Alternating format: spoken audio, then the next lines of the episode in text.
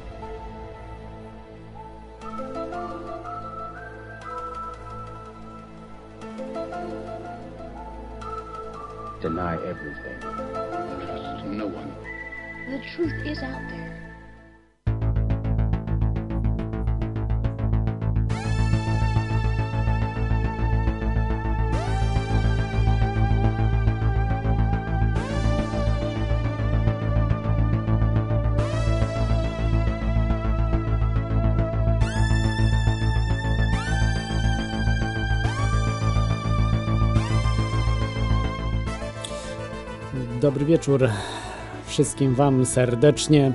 Serdecznie Was witam w e, programie Teoria Chaosu, jak zwykle po północy, w każdy piątek. E, dzisiaj, dzisiaj mamy e, no, temat fenomenalny. Dzisiaj będziemy rozmawiali o ekonomii, o podstawach ekonomii, czyli pieniądzu, banku centralnym, a także wszystkich rzeczach z tym związan... związanych. Od czego zacznę dzisiaj? Zacznę dzisiaj od takiej, takiej sentencji. Nie będę zdradzał, kto powiedział takie słowa. Pozwólcie mi kontrolować pieniądze państwa, a ja nie dbam o to, kto ustala tam prawa. To były wypowiedziane właśnie przez znaną osobę w tamtych czasach przed stworzeniem potężnego banku centralnego w Stanach Zjednoczonych. I Dzisiaj właśnie będziemy generalnie około banku centralnego krążyć. A w tej chwili chciałbym powiedzieć jeszcze taką o, o takich, no, ze spisków troszkę rzecz, rzeczą e, związaną ze spiskami o aresztowaniu pana Dominika e, Sz- Sztrosa Kana. E, Jest to, czy był, no ale na razie jeszcze jest, e, szefem Międzynarodowego Funduszu Walutowego, International, International e, Monetary Fund. E, Przepotężnej organizacji. To jest chyba jedna z najpotężniejszych organizacji. Znacznie, znacznie potężniejsza niż ONZ e, i, i różne inne organizacje razem wzięte. No tak jak właśnie przytoczyłem słowa znanego, znanej osobistości z z XX wieku, najważniejsze są pieniądze. Prawa są po nich. I Dlaczego przytaczam właśnie y, tego y, no, pana? Został on zatrzymany i aresztowany y, o, w Nowym Jorku. Postawiono mu zarzut o gwałt na pracownicy hotelu. Niestety jest już na wolności. Są tak, równi i równiejsi. Wpłacił milion dolarów, został wypuszczony z aresztu. Ale, ale ten pan, oczywiście na tych spotkaniach tajnych, jak wiecie, grupy Bilderberg i, i różnych innych tajnych spotkaniach możnowładców, Ym, pojawia się. Został, za, został złapany, że był na przynajmniej jednym takim spotkaniu. No teraz to już jak jest z tym szefem MF, y, Międzynarodowego Funduszu Walutowego, to na pewno non-stop przebywa na tych spotkaniach, ale y, co jest istotną sprawą, y, to nie jest jakiś jedyny przypadek, że tego typu wydarzenia mają miejsce. Oni się czują bezkarni, ta klasa cała polityczna, są równi i równiejsi. Natomiast zaczyna się coś tam troszkę sypać w tym nowym porządku świata i jak wiecie pewnie, że są różne frakcje w nowym porządku świata, które chcą y, no jakby przeważyć na swoją korzyść y, pewne, pewne rzeczy. I tutaj właśnie być może został parasol ochronny nad tym ym, no człowiekiem y, rozposta- y, zabrany. Y, Oczywiście nie rozpostarty. Ja uważam, że jest winien, tak tylko jak z, analizy psychicznej i tego, jak ten pan wygląda, no jego facjata sama jest tak przerażająca, że no, łotr z oczu mu patrzy, bym powiedział. No ale sprawiedliwość ma swoje prawa, więc nie możemy go skazać, bo to musi być poprzez uczciwy proces. Natomiast tak jak mówię, jak mi się wydaje, więc i to nie jest jedyny jakiś tam przypadek, zresztą są dużo gorsze rzeczy związane z pedofilią, ale o tym nie będę dzisiaj mówił, o tym będzie w przyszłości, bo to jest sprawa już e, dosyć skomplikowana. Natomiast dzisiaj już przechodzę do, e, do tematu audycji. E, dzisiaj mamy gościa. Jest nim Cokeman, znany z kontestacji. Miał swoich parę programów na kontestacji. Witaj, Cookmanie, czy jesteś z nami? Jestem, witam wszystkich. O, super. No. Dobry wieczór. Dzisiaj będziemy rozmawiali o ekonomii, takiej naprawdę ekonomii dla ludzi, bardzo prostej, czyli generalnie o pieniądzach, o banku centralnym i co z tego wynika.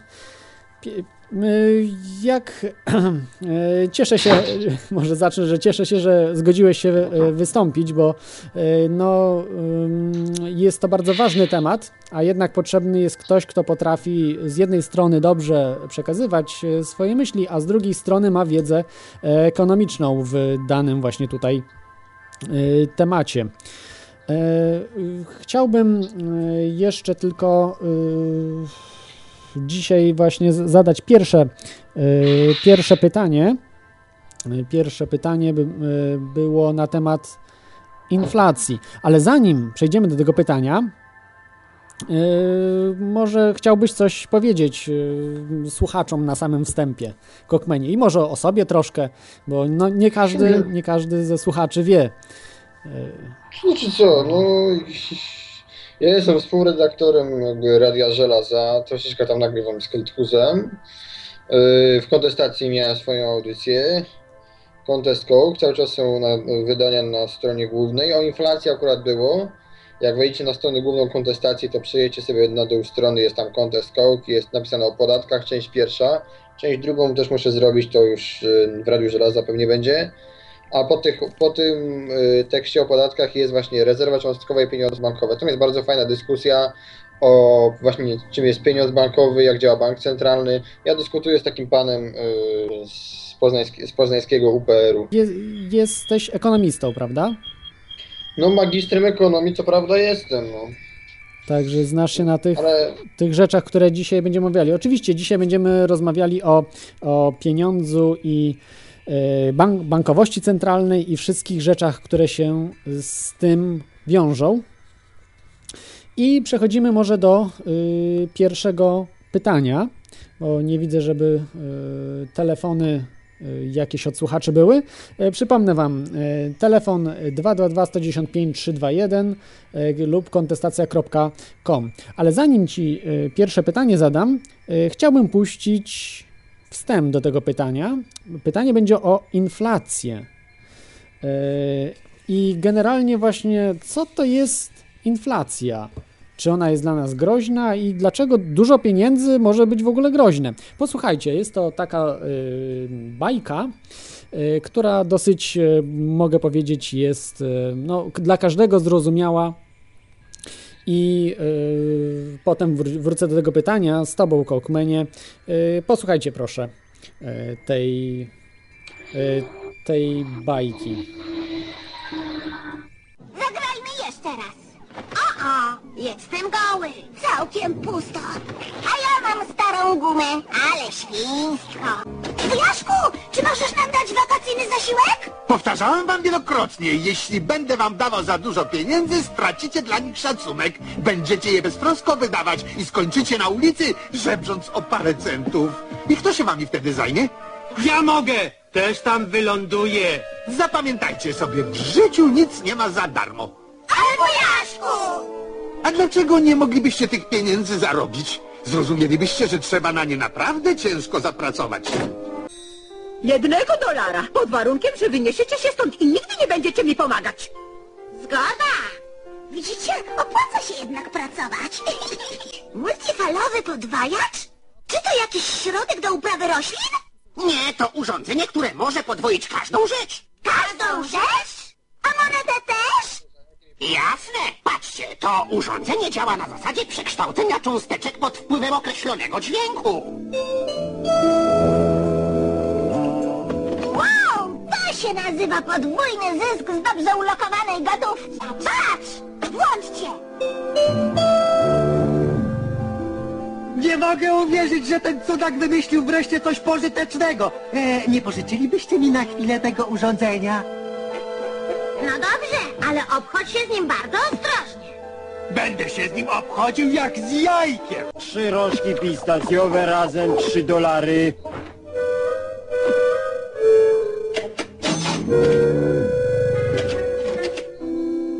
Gdzie wydamy ostatniego dolara? Hej! Patrzcie! Podwoił się sam z siebie! Abracadabra! I co teraz pan powie? Dwie portmonetki. Ciekawe, co? To urządzenie diodaka może podwoić pański majątek równie łatwo jak te portmonetki. Bardzo mi się to nie podoba. Co takiego? Łatwe pieniądze. Ja wierzę tylko w ciężko zarobione pieniądze. Dzień dobry, to my! Miałeś rację, wujaszku, zarabianie pieniędzy to wielka frajda! Nawet nie myśleliśmy, że robienie pieniędzy jest takie łatwe! Tak samo jak wydawanie! To straszne. Tylko mi nie mówcie, że wydawaliście te zdublowane pieniądze. Owszem, ale co w tym złego? Jeśli dalej będą się rozmnażać, zniszczą ekonomię. Jakim cudem? Właśnie, dużo pieniędzy może coś zniszczyć od kiedy? Zrozumcie, jeśli każdy ma brud pieniędzy, ceny idą w górę. Na rynku gromadzi się coraz więcej pieniędzy bez pokrycia i robi się bałagan. Tyle pieniędzy! Wiesz, wujaszku, jedna guma z automatu kosztuje już 30 dolarów. Jestem zrujnowany, mój skarbiec z gotówką jest bezwartościowy. Dorobek całego życia zniszczony przez zabawę moich siostrzeńców. Jesteśmy, jesteśmy z powrotem. E, Ten filmik chyba jest zrozumiały dla każdego. Filmik, bajka, bardzo mądra bajka, która y, pokazuje czym jest y, inflacja. Y, Kołkmanie, jesteś z nami? Tak, jestem. O, wspaniale. Y, troszkę y, słyszałeś y, tą bajkę. Y, Co możesz powiedzieć właśnie na, na ten temat y, wujka Scrooge'a? Czy, czy kto ma rację tutaj? Wujek Scrooge, czy, czy ci inni? Słyszałem Którzy... początku tej bajki. Znaczy, chodzi o to, że no chyba wujek Scrooge, tam, po prostu był, były pieniądze i nagle te pieniądze się samo- Rozmnażały, samo- tak, przez dio, dio, di- Diodaka. Tak się chyba nazywał ten wynalazca, który wynalazł powielacz, który powielał pieniądze. I potem one Tak, same z siebie się powielały. I, I nikomu, i nikomu przez to y, dobrego nic się nie stało, a tylko i wyłącznie złego. No wujek dobrym- Scrooge był tak. ro, ro, zrozpaczony, y, bo stracił majątek, bo inflacja wyniosła chyba tam 3, ty- no na pewno ponad 3000% w przeciągu tam jednego, paru dni. Tak, wiesz, no. Mm, mm, wujek Scrooge w tym momencie miał rację, no kto, kto niósł z tego korzyść? No pierwsi powielacze, którzy powiedzmy przy starych cenach e, mieli więcej pieniędzy i było ich stać o wiele więcej, ale później Mhm. ceny wzrosły i każdy na tym stracił. Tak. To jest tak jak wiesz, to jest tak jak z rozprowadzaniem jakichś dragów, nie? Aha. Na początku bierze ćpun ma fajnie, ale potem, y, no potem przychodzi jednak detoks i już nie jest Mhm. ciekawie. Dobra, to teraz y, tak jakbyś mógł wytłumaczyć y, w prostych słowach. Co to według ciebie jest inflacja? Co, według mnie, według mnie jest to jak- jakikolwiek wzrost ilości pieniądza, no. Bo tam niektórzy tam się bawili, Mises coś tam kombinował, Rothbard kombinował, że to jest każdy wzrost pieniądza nie mający pokrycia w towarze, czy nawet mówiąc złocie. Dla mnie to jest każdy jakikolwiek wzrost y, ilości pieniądza tak naprawdę, bo skoro wszystko może być pieniądzem i niezależnie ile tego pieniądza jest na rynku, to on zawsze spełnia swoją rolę, więc jak, go jest, jak jest go więcej, to już mamy inflację, bo wtedy powiedzmy, no wiesz, y, więcej jakość idzie w ilość i odwrotnie, ilość idzie w jakość. Mhm. Y, No i kolejne takie mam pytanie. Czyli uważasz, że to może być groźny proces? Czy, czyli inaczej może, czy zawsze inflacja jest niekorzystna dla takich przeciętnych ludzi? No w zasadzie tak, to znaczy groźny, to jest zły proces, bo yy, szkoda, że nie, nie zapytałeś o to, czym jest pieniądz. Do pie- tego dojdziemy. No właśnie, aż od tego powinniśmy zacząć, bo to jest klucz, wiesz, bo Mhm. pieniądz to jest środek wymiany, ja sobie pozwolę trącić. Pieniądz to jest środek wymiany, to jest nic więcej, to jest po prostu taki towar, który ludzie mają nie po to, żeby go używać, bo ja nie wiem, ja nawet no, yy, oczywiście pieniądz może mieć zastosowanie pozamonetarne, to towar jest, z czego jest wykonany pieniądz, czy to będzie złoto, papier, no nawet dzisiaj y, z 10 złotówki możesz sobie zrobić, nie wiem, samolocik, nie, ale pieniądz de facto to jest taki towar, którego trzeba nie po to, żeby go skonsumować, czy żeby, yy, nie wiem, go jakoś tak zainwestować, ale trzymamy ten towar tylko po to, żeby, że, że możemy się tym towarem wymienić z innymi. Mhm. Y, czyli może. Nie, Mhm, tak? więc nieważne praktycznie ile go jest, no jak będzie 100 zł w całej Polsce, to będą nominały najwyżej mniejsze. Mhm. Tak to rozumiem. I tego pieniądza nie jest potrzebne więcej ani mniej. No może być więcej potrzebne tylko i wyłącznie materiałów do tworzenia tego pieniądza. Czyli powiedzmy, może zabraknąć złota, bo wtedy się dodaje srebro, miedź i tak dalej. Nawet O, to już fałszerstwo jest. Y, Wiesz co, y, czy fałszerstwo, czy y, fałszerstwo o tym, czy jest pieniądz właściwy, czy nie, decydują de facto ludzie, zwykły rynek. Mhm.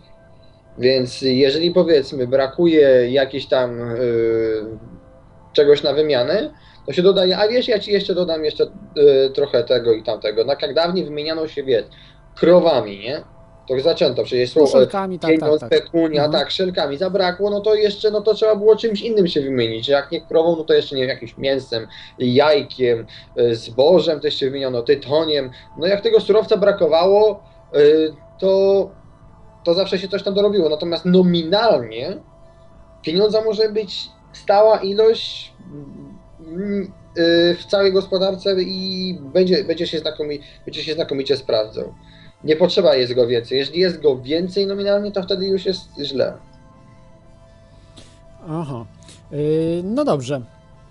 To załatwiliśmy tutaj y, sprawę pieniądza i może y, zanim dojdziemy właśnie do tych tak zwanych pieniędzy, jakichś tam fidu- fiducjarnych i tak dalej, to jeszcze powiedzmy o y, bankowości centralnej. Ja może, wiesz, przygotowałem, przepraszam, że tak troszeczkę ja będę y, w tym momencie y, pogadam troszkę y, na temat... jesteś prowadzący, to przecież. Ja E, jestem na temat e, tej e, banku centralnego. Jak to się generalnie zaczęło? Bo generalnie to się zaczęło tak naprawdę w XX wieku. I też nie we wszystkich krajach, znaczy w XX wieku we wszystkich krajach, natomiast Stop, stop, sorry. Jak, jak? Bankowość centralna w XX wieku? e, nie, nie, mówię, że e, wszystkie kraje przeszły na e, bankowość centralną, bo od czasu do czasu wiadomo, że i kiedyś, prawda, w, histori- w historii, z tego co wiem, by, były e, banki centralne w XIX wieku i tak dalej. Nie wiem, Tak. czy dobrze. Czyli były, tak? No Kiedyś. tak, pierwszy bank Mhm. centralny, taki nowoczesny, to był Bank Anglii. y, Powstały y, pod koniec XVII wieku Mhm. w Anglii. W Anglii. Więc jak powiedziałeś XX wiek, dlatego wolałem wtrącić. No ale no dobra, wracamy. Y, ch- Chodzi mi właśnie o ten, e, tą bankowość taką, którą mamy dzisiaj, bo to ona zupełnie, pomimo, że b- tak, że tam był bank centralny, to jednak e, ta bankowość centralna zupełnie inaczej wyglądała, zupełnie inny pieniądz był, prawda? Bo tam chyba był jednak towarowy pieniądz w, w tych zamierzchłych czasach. Pieniądz towarowy, czy był w zamierzchłych czasach? No, nie wiem, tak, czy to no, tak mogę powiedzieć, bo to po prostu pieniądz, Zamierzchłe tak, czasy. No, no tak, no na początku to wiesz, powiem ci tak, y, na początku był barter, czyli ludzie wymieniali się y, towar za towar. Tak? Mhm. Bardzo dobrze to tłumaczy jak, y, Robert Gwiazdowski w niejednym swoim wy- wywiadzie, wykładzie i tak dalej. Więc wiesz, to było tak, że powiedzmy jak ja miałem powiedzmy zboże, a ktoś inny miał rybę, Mm, I tak, ja chciałem się najeść ryby, a jemu z kolei chodziło, żeby mieć mąkę, żeby potem chleb wypiec i tak dalej. Tośmy się wymieniali, ja mu dawałem trochę, te, trochę tego zboża, on mi dawał trochę tych ryb. No tak, i teraz y, to działało, ale powiedzmy tak, on, ja chcę mieć rybę, ale on z kolei nie chce mieć zboża. Mhm. No to w tym momencie co się dzieje? Y, Ja mam problem, bo nie, bo nie mogę mieć ryby i gospodarka się troszeczkę załamuje. To co robimy? Dowiadujemy się, że ten, co ma ryby, czyli nasz końcowy produkt, który, który, który my chcemy zjeść, on y, lubi jajka. Więc my idziemy do jakiegoś farmera, wymieniamy się zbożem, y, z, wymieniamy zboże za jajka, a potem te jajka zabieramy i idziemy do rybaka. I teraz po co nam jajka? Do jajecznicy? Nie. Jajka w tym momencie to już pełnią funkcję pieniądza. Właśnie to jest pieniądz, to jest środek wymiany. To jest taki produkt, to jest tylko taki tylko i wyłącznie towar pośredni. No dobrze, i w ten, w ten sposób powstała w ogóle instytucja pieniądza. Bo trzeba było co- coś znaleźć we wspólnocie, co wszyscy lubili i sz- co można było w każdej chwili wymienić, żeby uzyskać jakikolwiek inny produkt. No dobrze, tylko jajka się nie nadają, bo wiesz, jajka stłuczesz, yy, czy nie wiem, skisną gdzieś, cokolwiek się z tymi jajkami stanie. Poza tym yy, był problem taki z jajkami, że można było je łatwo powielać, no to co za wartość, nie? Może ktoś, taki farmer wtedy by wszystkim rządził. Yy, poza tym jajka no, nietrwałe są. Spośród wszystkich takich materiałów, które ludzie mieli dostępne na ziemi, wybrali po prostu złoto historycznie, bo miało najlepsze, najlepsze właściwości e, fizyczne, chemiczne, było trwałe, ciągliwe, można było oczywiście e, ciężkie to swoją drogą, ale można było jakoś je dzielić, wyrabiać, tworzyć jakieś sztabki, monety i tym podobne, a przede wszystkim, co teraz istotne jest, było go tyle, że nie można go było podrabiać. Jak już raz było, to y, trafiało na rynek, to nie traciło swojej wartości. I to było istotne. Więc tego, tego złota było względnie, względnie, względnie stała ilość tego złota, szczególnie w zamierzchłych czasach. Ile tego złota mogło przybyć? 1, 2, 3% w skali wieku, 200 lat, to było nieodczuwalne. Tego złota było non-stop tyle samo, więc to jakoś y, y, ta, ta wartość była zabezpieczona poprzez y, prawa natury, nie poprzez jakieś dek- dekrety. Dlatego, dlatego złoto było takie dobre i przetrwało tyle czasu, no i nadal de facto trwa. Rozumiem. Dobrze. Y, mamy telefon. Oskar, witaj. Jesteś na antenie. No cześć. E, Cześć. Ja, Masz pytanie się- do, y, mm, y, do Cookmana? e, w zasadzie tak, z tym, że chciałbym po, powiedzieć, jak ja widzę ogólnie rzecz biorąc sprawę inflacji. Wprawdzie nie jestem specjalistą i może tutaj właśnie Kochman ro, rozwieje moje wątpliwości, może, może obali moje tezy, ale ja uważam, że inflacja w niektórych sytuacjach jest e, całkiem dobra. E, Weźmy przykład Chin, e, które specjalnie obniżają wartość swojego pieniądza. Zresztą mi się wydawało, że Stany Zjednoczone podobnie działają ze względu na to, żeby ruszyć eksport. Mi się wydaje, że kraje, które są na tyle duże, że mają wszystko, wszystko są w stanie same wyprodukować u siebie i nie potrzebują importu, mogą sobie pozwolić na to, żeby obniżać wartość swojego pieniądza po to, żeby e, być bardziej konkurencyjnym na rynkach międzynarodowych. E, To, tak, mi się, tak mi się to wydaje. Oczywiście Polska nie jest w stanie e, w ten sposób działać, dlatego że Polska nie jest niezależna e, na rynkach i musi, musi importować bardzo wiele rzeczy. Mm, Dlatego też w Polsce raczej inflacja nie, nie jest zbyt korzystna. Zresztą in- inflacja też na pewno niesie e, ryzyko utraty majątku przez e, ludzi, którzy trzymają e, e, powiedzmy swój majątek właśnie w pieniądzach. Zamiast, zamiast inwestować e, w, to, w konkretne towary, to na przykład trzymają e, pieniądze na rachunkach bankowych i to jest, i to jest ryzyko i w tym, w tym powiedzmy inflacja jest groźna, e, jeżeli chodzi o, o, o zagrożenie jakieś dla, dla, dla lu- ludzi i powiedzmy wpływ na jakiś kryzys. Dobrze. y, Cookmanie, co ty na to w takim wypadku? To Inflacja znaczy- może być dobra. To znaczy, dobra, e, jeżeli jest inflacja, to znaczy, że jest jeden pieniądz w danym kraju. I wtedy tak naprawdę to jest dodatkowy podatek. To znaczy, że e, kto płaci za, za wspieranie eksportu? Importerzy. Ekonomia to jest taki jakby system naczyń połączonych. Jakakolwiek interwencja to jest przelewanie z, e, z pustego w próżne. To nic nie tworzy. Bo e, no dobra, wspieramy, wspieramy eksport, bo jesteśmy tańsi, ale przez to, e, czyli zaniżamy wartość własnej waluty, ale przez to ktokolwiek z Chińczyków, a tych Chińczyków jednak jest sporo, e, będzie chciał e, kupić coś za granicą, no to w tym momencie traci. Tak jak my też No. możemy zaniżać swoją walutę i dzięki temu powiedzmy więcej Amerykanów kupi polskie produkty, tak? Ale ile my tak mamy, ile mamy, mamy tych polskich produktów? A nawet jeżeli byśmy mieli tyle co Chiny, to to oznacza, e, kto, kto zapłaci za taką politykę? Politykę taką, No. że, że należy wszystko produkować, sprzedawać. Zapłaci, za- zapłaci za to Polak, który będzie chciał jednak coś kupić w Stanach. To niszczy No tak. handel. No tak, to niszczy, to niszczy właśnie... handel, bo to za- za- za- zaburza ceny, zaburza ceny jakie, jakie występują na rynku. No, przecież import, eksport to jest nic innego, jak po prostu to jest handel. I yy, sztuczne zaniżanie ceny, no to de facto to się, to, to się nie opłaca. No to jest, yy, ty mówisz, że yy, to co widać. No widać to, że zaniżamy ceny i można nas, yy, jesteś, jesteśmy tańsi, ale czego nie widać? No nie widać chociażby tego, że za to płacą po prostu obywatele. Płacą za to, że, nie że towary zagraniczne są droższe, towary, ale także surowce zagraniczne są droższe. No Chiny są potężne jakby są, ale no nie, nie są totalną autarkią yy, ekonomiczną i są zależne także od innych krajów, więc prędzej czy później to się na nich odbije. Kto jeszcze traci? No traci na tym yy, też obywatel z innego powodu, takiego, że rząd drukuje te pieniądze, bo, bo ma monopol na taki środek płatniczy w danym kraju. Jeżeli drukuje, to y, rozwadnia ten pieniądz, czyli przywłaszcza sobie część wartości, y, którą, wy, którą, którą wypracuje chińska gospodarka. A, te, a ta wartość powinna trafić do ludzi, a nie do rządu, prawda? No tak, No tylko jeżeli, że... jeżeli chodzi o te problemy inflacji, no to tutaj odsyłam do Bastiata, on mnóstwo o tym pisał. To jest jego główny, to jest jego taki, taki yy, yy, nie wiem, Mhm. jak to nazwać, jak to się nazywa, no, Y- yy, taki trik, że no, Dobrze, dobrze Kokmenie, daj mi Omówię odpowiedzieć, może y, jeszcze coś dodać y, Oskarowi. słuchaczowi. Oskarowi, tak, proszę. Ja chciałbym tylko powiedzieć, że no jednak e, mi się cały czas wydaje, że e, inflacja może być elementem konkurencji, dzia, działań powiedzmy walki, walki rynkowej krajów.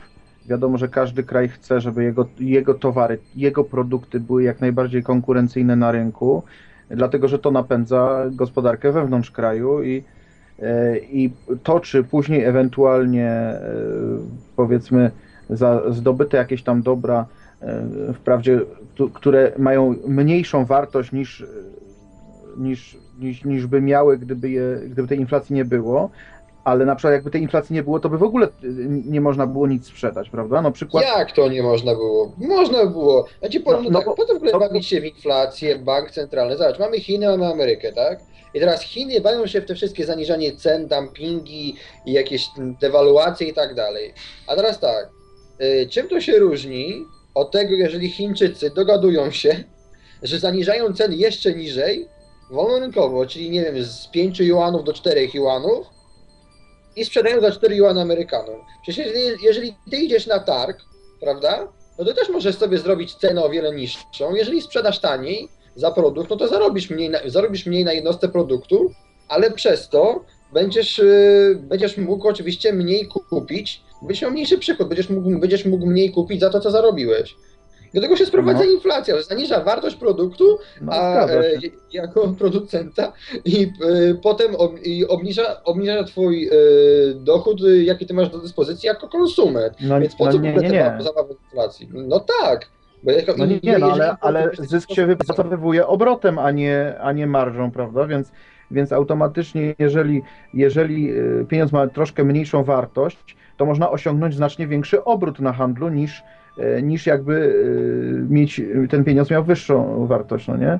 Ale co to znaczy, A. że pie- pieniądz ma niższą wartość? To znaczy to, że produkt, jakiś przeciętny chiński produkt jest tańszy, prawda? Tak, no i dzięki temu na przykład Ameryka, znaczy dzięki temu, przez to na przykład Ameryka czy Europa już praktycznie nic nie produkuje sama, e, bardzo mało rzeczy, a Chińczycy nas zalewają i oni w, i oni w momencie, kiedy wyeliminują e, powiedzmy e, europejską go- gospodarkę czy światową gospodarkę w dużym stopniu, e, zalew, no to dojdzie do takiej sytuacji, że oni te ceny jednak zaczną zrównywać, e, a w Europie do, dłu- długo nie będzie na przykład się opłacało, że pewnych rzeczy produkować, dlatego że, że no, będzie to powiedzmy, oni, oni będą wtedy właścicielami technologii nowych i tak dalej, i tak dalej, no nie? Tak, tak, ale ja to rozumiem. Ja to rozumiem, tylko mówię ci jeszcze raz, zwróć uwagę, że po co jest inflacja, kiedy można bez problemu obniżyć koszty jednostki, znaczy y, cenę jednostkową produktu. No zgadza się, no można, Przecież ale, ale zobacz, tu, mam, mam, ja myślę, mam- że to jest taka, taki element makro, makroekonomiczny troszkę, no. na Nie, to jest po tak- prostu zb- zbędna technologia, zbędna technokracja, powiem ci, zbędne, zbędne jakaś, zbędne, zbędne biurokracja. No jest to, jest to mechanizm, powiedzmy, wykorzystywany, jeżeli na przykład państwo nie ma możliwości odgórnego sterowania cenami, to może zawsze zrobić inflację. No wiesz bo, bo inflacja de facto wiąże się z jakąś gospodarką centralnie planowaną, e, chociażby e, na, na gruncie polityki pieniężnej, ale mówię ci, że inflacja, to co chcą, to co proponują ci inflacjoniści, czyli wspieranie eksportu. Czyli to jest tak, Chińczyk w tej chwili, powiedzmy, nie ma inflacji, tak? Jest stała ilość, oczywiście jakiś tam parytet, dolar, yuan i tak dalej. Chińczyk e, sprzedaje i myśli, że jest drogo. Jeżeli on wywoła inflację, to jego produkt będzie tańszy, ale on potem jako konsument, bo on jadący potem do Ameryki, będzie, miał, będzie, będzie mógł y, za mniej pieniędzy kupić. Dlaczego? Pod warunkiem, bo, że pod- nie sprzedał. Pod warunkiem, że konsumuje towar e, sprowadzany. A Chiny jednak no, sprowadzają z tego, co ja e, się kiedyś tam orientowałem, to oni sprowadzają głównie na, na przykład e, złom jakiś tam e, do, do hut czy takie rzeczy. No a też jeżeli są głównym importerem, to też dyktują ceny znowu. No i tutaj No, tak. No wiadomo, że jeżeli jesteś nie wiadomo jakim bogaczem, to też możesz pozwolić na, pozwolić na jeszcze mniejsze obniżenie cen, żeby mieć konkurencję. To jest normalny mechanizm, tylko mówię Ci jeszcze raz, że to jest tak, że Ty możesz to zrobić bez polityki państwa, nikt Ci nie broni taniej sprzedawać, nawet poniżej kosztów, tylko po prostu wtedy mniej zarobisz, będziesz trochę stratny. No, czy to zadziała?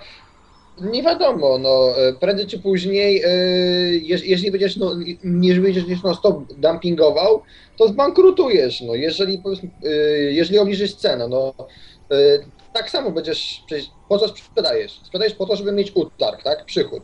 Potem No tak, ale, ale właśnie to działa na zasadzie takiej samej, jak powiedzmy, nie wiem, kiedyś prowadziłem firmę i miałem i handlowałem, prawda, z, z, z, z ludźmi, no i, i była taka sytuacja, że oni na mnie wy, wymuszali niższe ceny. I zresztą ja chciałem też sprzedawać po niższych cenach, żeby ściągnąć klientów, ale z drugiej strony, czyli to jest powiedzmy ten mój eksport, ja chcę sprzedawać jak najtaniej, żeby być konkurencyjnym. Tak, to jest Natomiast eksport mój- jako producenta.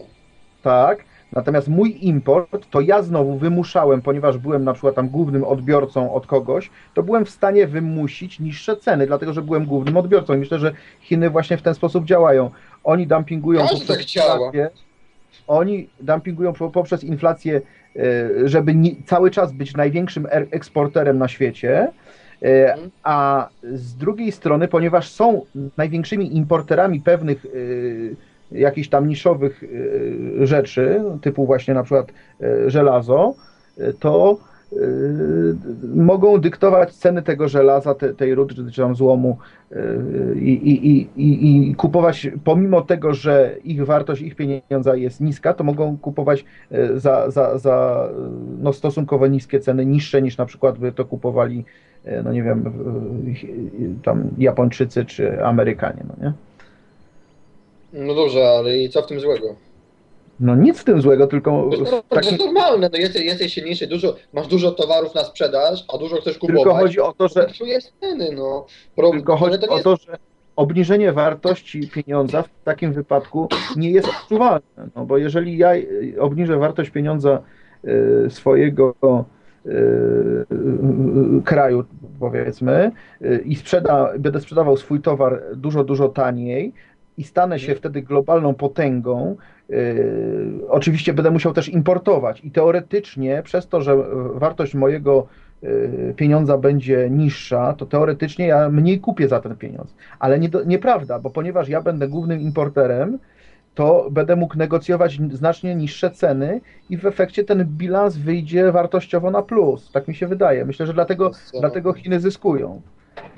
Wiesz co, e, jeżeli mówisz agregatowo z perspektywy całych Chin versus reszta świata, to można powiedzieć, że zyskują. Natomiast na wewnętrznym rynku chińskim jeden Chińczyk zyskuje kosztem drugiego Chińczyka i to jest przelewanie z tego w próżno.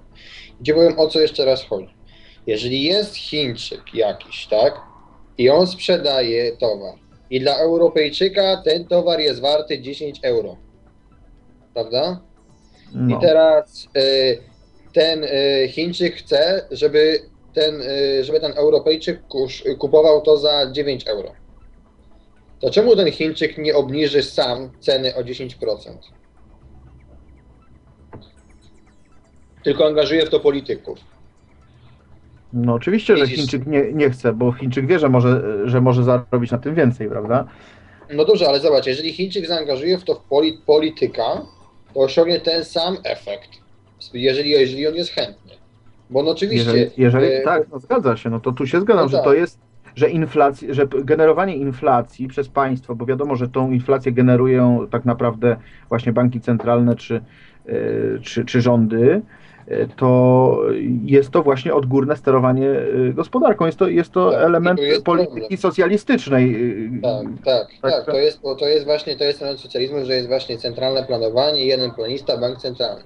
I teraz jest tak, że taki Chińczyk, który jednak chce taniej sprzedać, on może obniżyć o 10%, tylko potem, jak on pojedzie do Europy, to będzie mógł, to będzie musiał, będzie miał mniej pieniędzy na zakupy w Europie, na jakieś, nie wiem, francuskie perfumy powiedzmy, prawda? No, Ale jednak on woli angażować w to polityków. Przez co na przykład może stracić Chińczyk jakiś, który jednak cholera nie chce obniżać tej ceny dla Europejczyka, bo on uważa, że Europejczyk kupi mu za 10 euro. Ale poprzez politykę taki Chińczyk, który jednak nie chce obniżać ceny, jest zmuszony obniżać cenę i przez to, i przez to potem jak pojedzie do Europy, też będzie musiał e, zadowolić się mniejszymi zakupami. Czyli jeden Chińczyk zyskuje kosztem drugiego Chińczyka. I tu jest problem inflacji. Że jest to centralne, jest to narzucona jedna wola centralnego planisty wszystkim. Chiny całościowo oczywiście pewnie jakoś tam zyskują, też nie wiadomo. Bo tego nie ma, nie ma, trudno byłoby to porównać. Natomiast widzisz, tu jest problem taki, że jeden Chińczyk e, jest zmuszony do czegoś, do czego, no, do, do czego, na co się nie godzi. Normalnie No tak, powinno być tylko- tak, że jeden Chińczyk sobie obniża cenę o 10%, przez co Europej, Europejczyk ma jego produkty 10% tańsze, czyli powiedzmy 9 euro zamiast 10, a drugi, który nie chce obniżać, niech sobie nawet je podwyższa. I bank centralny jest tutaj niepotrzebny do wspierania eksportu, naprawdę. Tylko, tylko pytanie jeszcze jest jedno moje. E, czy ogólnie rzecz biorąc da się uzyskać na przykład taki bilans stały, żeby pieniądz ani nie zysk, zyskiwał na wartości, ani nie tracił? Bo, To znaczy- jeżeli, bo mi się wydaje, że jak się, że jak się na przykład rozwija gospodarka, to e, pie, pieniądz się umacnia e, i może wtedy faktycznie e, stać się zbyt mocny, żeby, żeby powiedzmy rynek wewnętrzny, że- żeby, żeby można było konkurować na, na rynku światowym. Czy na przykład Dlaczego e, zbyt mocny? Ale co to ma, co to znaczy zbyt mocny konkurować na rynku? No, no, na przykład, no na przykład w ten sposób, że siła robocza e, w kraju staje się zbyt droga, e, że koszty stają się zbyt duże, żeby, żeby po prostu się opłacało eksportować. Jeżeli pieniądz jest rzeczywiście taki mocny, to znaczy, że przeciętnego robotnika stać na luksusowe zakupy w całej reszcie świata. I co w tym złego? Bo ten pieniądz, niezależnie i ile go jest, on się dostosowuje jak najbardziej. No To tak, ale, ale jeżeli, ale jeżeli przeciętnego pracownika stać na zakupy w całej reszcie świata, to znaczy, że on zarabia więcej, prawda? Że on za, zarabia znaczącą kwotę w porównaniu z, z resztą świata. I czy to jest złe? świata. I teraz, jeżeli on zarabia ta, taką kwotę, to znaczy, że ktoś mu płaci. Jeżeli ktoś mu płaci, to znaczy, że ponosi koszt większy niż, niż jakby, po, jakby mu płacił mniej. No to jest oczywiste. Jeżeli ponosi koszt większy, to znaczy, że automatycznie koszt, koszt y, powiedzmy danego produktu wzrasta. Jeżeli koszt produktu wzrasta, to automatycznie y, opłacalność y, nie, nie da się obniżyć tej ceny, tak, żeby eksportować, no nie? Da się obniżyć zawsze cenę, żeby eksportować. Przede wszystkim pieniądz będzie mocny w takiej, w takim, na takiej zasadzie, że e, towarów będzie można mnóstwo za niego kupić, za dany Znaczy, pieniądz. Czyli tych towarów, będzie, tych towarów będzie cała masa na świecie, czyli będzie dobrze, będzie dobrobyt. Właśnie o to chodzi. No i, po, i te towary powinny być wtedy jak najtańsze. Mocny Znaczy, pieniądz, mocna złotówka to jest wtedy, kiedy ja za złotówkę mogę kupić 5 kilo cukru, a nie yy, jedną piątą kilograma cukru. Przepraszam, ja, ja, No. ja wam prze- przerwę już, bo tak możemy dyskutować do Przerwę, nieskończoności, a jednak e, chciałbym o takich najprostszych rzeczach, bo już dosyć skomplikowane rzeczy poruszaliście. Ja tylko od siebie tutaj dodam, że e, dwie rzeczy. E, W XIX wieku w Stanach Zjednoczonych była generalnie deflacja, czyli pieniądz e, był coraz mocniejszy i to tak znacząco mocniejszy, e, z tego co się orientuję, i rozwój był dosyć mocny. W XIX wieku w Stanach Zjednoczonych. Y, Druga sprawa, którą chciałbym dodać, y, to jest sentencja Miltona Friedmana, który powiedział, że nie ma darmowych obiadów. I to powinniśmy sobie wziąć do serca, że y, nie ma darmowych obiadów, czyli dodrukowanie pieniędzy nie wpłynie na rozwój gospodarki. No, ja wierzę Miltonowi Friedmanowi, on był noblistą, zresztą też był mm, zwolennikiem banku centralnego.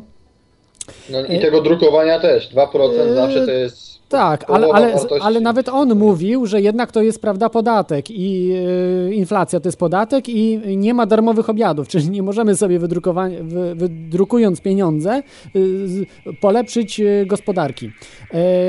Dobrze, za wyjątkiem fizyki kwantowej oczywiście, no ale to już tu tylko tak wrzucam.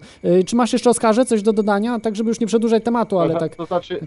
To znaczy ja powiem wam tak, że ja odczułem to na sobie, bo ja eksportowałem pewien towar za granicę, na wschód konkretnie. I w momencie, kiedy się złotówka umocniła i wszyscy się cieszyli, że tak się złotówka umocniła, no to ja cierpiałem na tym, dlatego że automatycznie mi się e, zatrzymał eksport, bo nie byłem w stanie e, produkując powiedzmy towar, który sprzedawałem z, z, z, z, rzeczy polskich, z surowca polskiego, nie byłem w stanie zejść ceną e, na tyle, żeby odbiorcy zagraniczni, wschodni byli zadowoleni. No i niestety mocno, mocno to było odczuwalne w, w tamtym momencie. Ja już nie siedzę w tym rynku parę lat, ko- około pięciu lat już nie siedzę, więc, więc po prostu nie wiem, jak, jak teraz sytuacja wygląda, ale wiem, że tak, tak było y, i, i że to no, po prostu ci, co kupowali faktycznie tam komputery, coś tam wtedy mocno potaniały telewizory, takie rzeczy, ale jednak no, y, obrót spadł wtedy drastycznie i, nie byłem zbyt z tego No, zadowolony ale- umocnienia się złotówki. Y, Przepraszam, że, że, że jeszcze tak dopowiem jedną rzecz, ale jednak y, w dzisiejszej gospodarce wszystko jest sterowane. Nie tylko nawet pieniądz, prawda? Nawet produkcja jest sterowana. W Unii Europejskiej to produkcja cukru jest limitowana, jest odgórnie, mleka i tak dalej, wszystkiego. No to jest każdym litrem wina po prostu zarządza Unia Europejska. To jest, to jest przerażające, co dzisiaj, dzisiaj po prostu mamy socjalizm. Y, Dobrze, Y, to dziękuję Ci Oskarze. Y, Zapraszam. No ja Dzięki. Dziękuję. Y, Zapraszam do dzwonienia y, 222 195 321 kontestacja.com z y, pytaniami wszelakimi. Y, Dobrze, no to o, o pieniądze sobie powiedzieliśmy, Kołkmenie, prawda?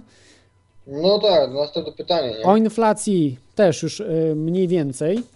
Banku Centralnym teraz miało Teraz być. Banku Centralnym, ale właśnie y, o Banku Centralnym chciałbym tutaj przedstawić taką y, historię e, powstania tak zwanego Fedu.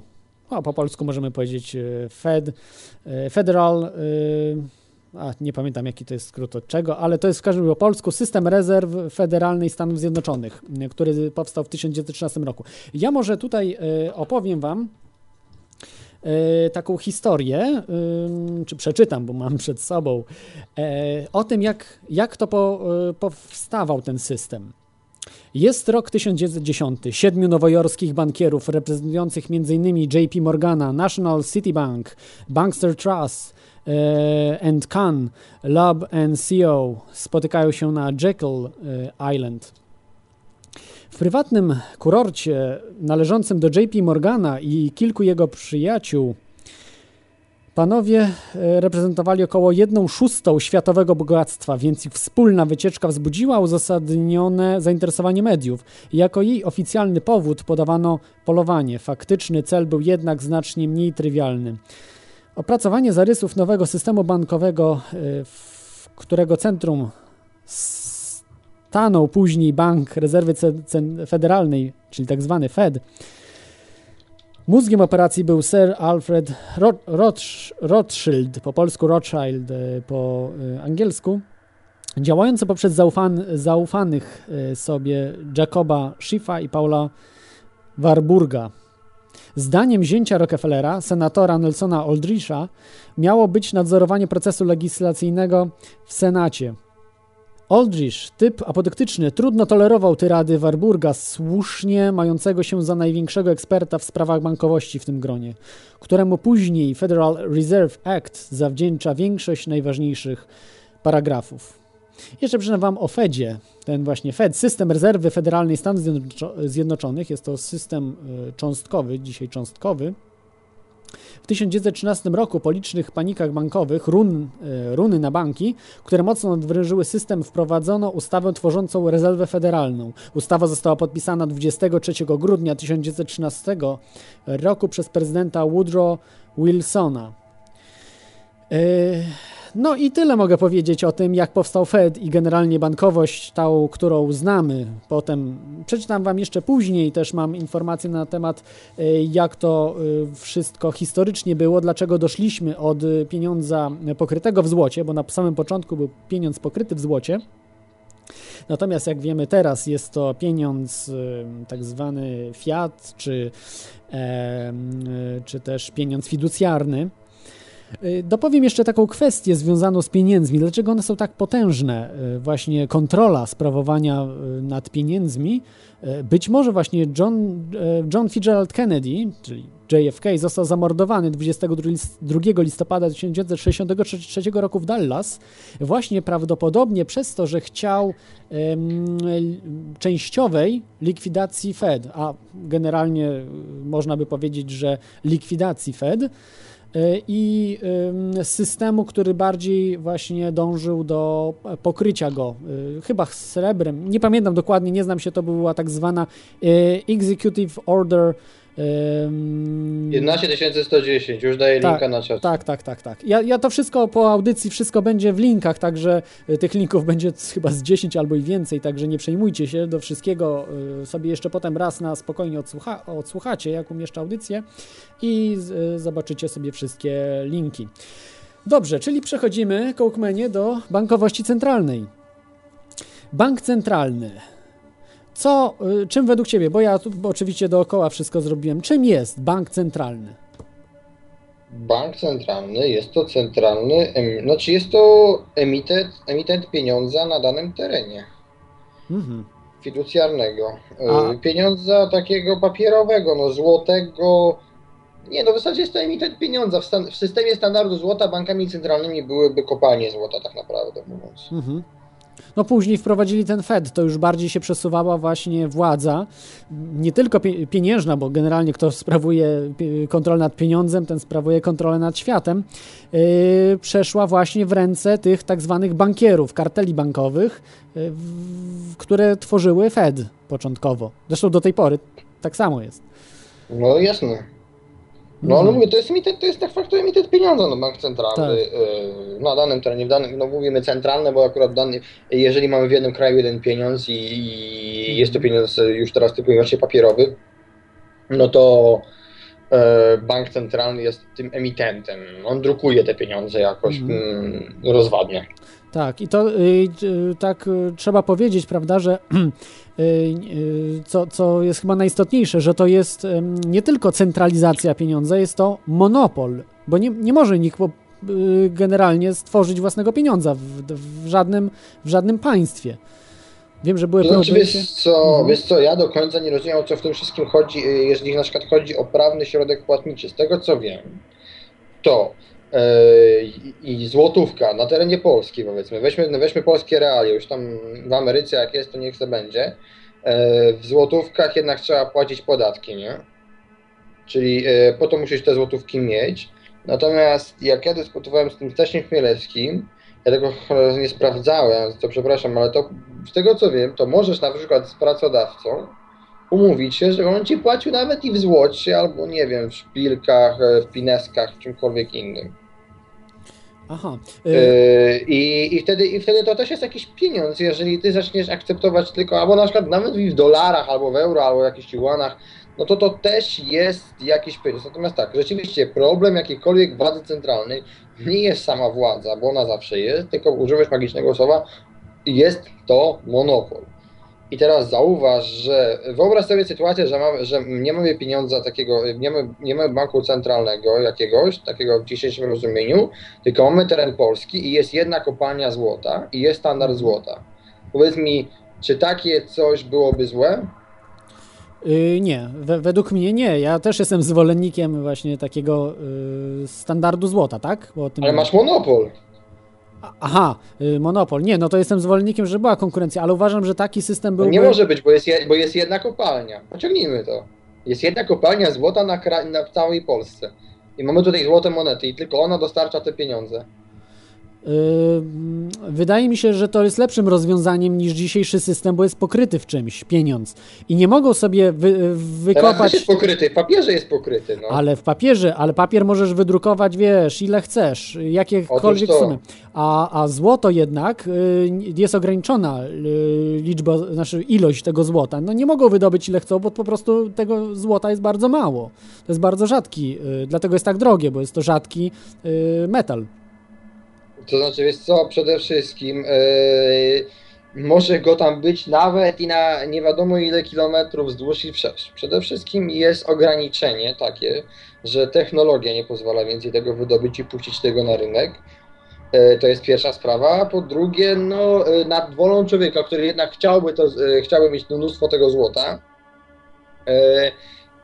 czuwa coś takiego na sam, sama natura. No, e, tak jest Ziemia tutaj skonstruowana, mam na myśli e, litosferę, skąd wydobywamy te wszystkie metale szlachetne, e, że nie można tego więcej wydobyć, czyli jest, jest pewien mechanizm, który, który chroni ludzi właśnie przed szaleństwem jakiegoś człowieka, który nagle by te pieniądze do, wypuścił. Natomiast właśnie mówi, papier się łatwo produkuje, wystarczy ściąć tam kawałek lasu, przerobić i już mamy tam miliony dolarów, złotych i tak dalej. Mało tego, nawet z jednego kawałka papieru można zrobić mega inflację, wystarczy dopisać kilka Z, prawda? I ktoś to zaakceptuje. Albo poświadczy- kilkanaście, sorry, że kilkanaście jak było w Zimbabwe, to nie wiem ile tam Było. dopisywali. Nadal jest, Jest. natomiast na złocie tak nie Oj. można, bo w złocie to nie liczą się zera, to jakieś nominały, podpisy.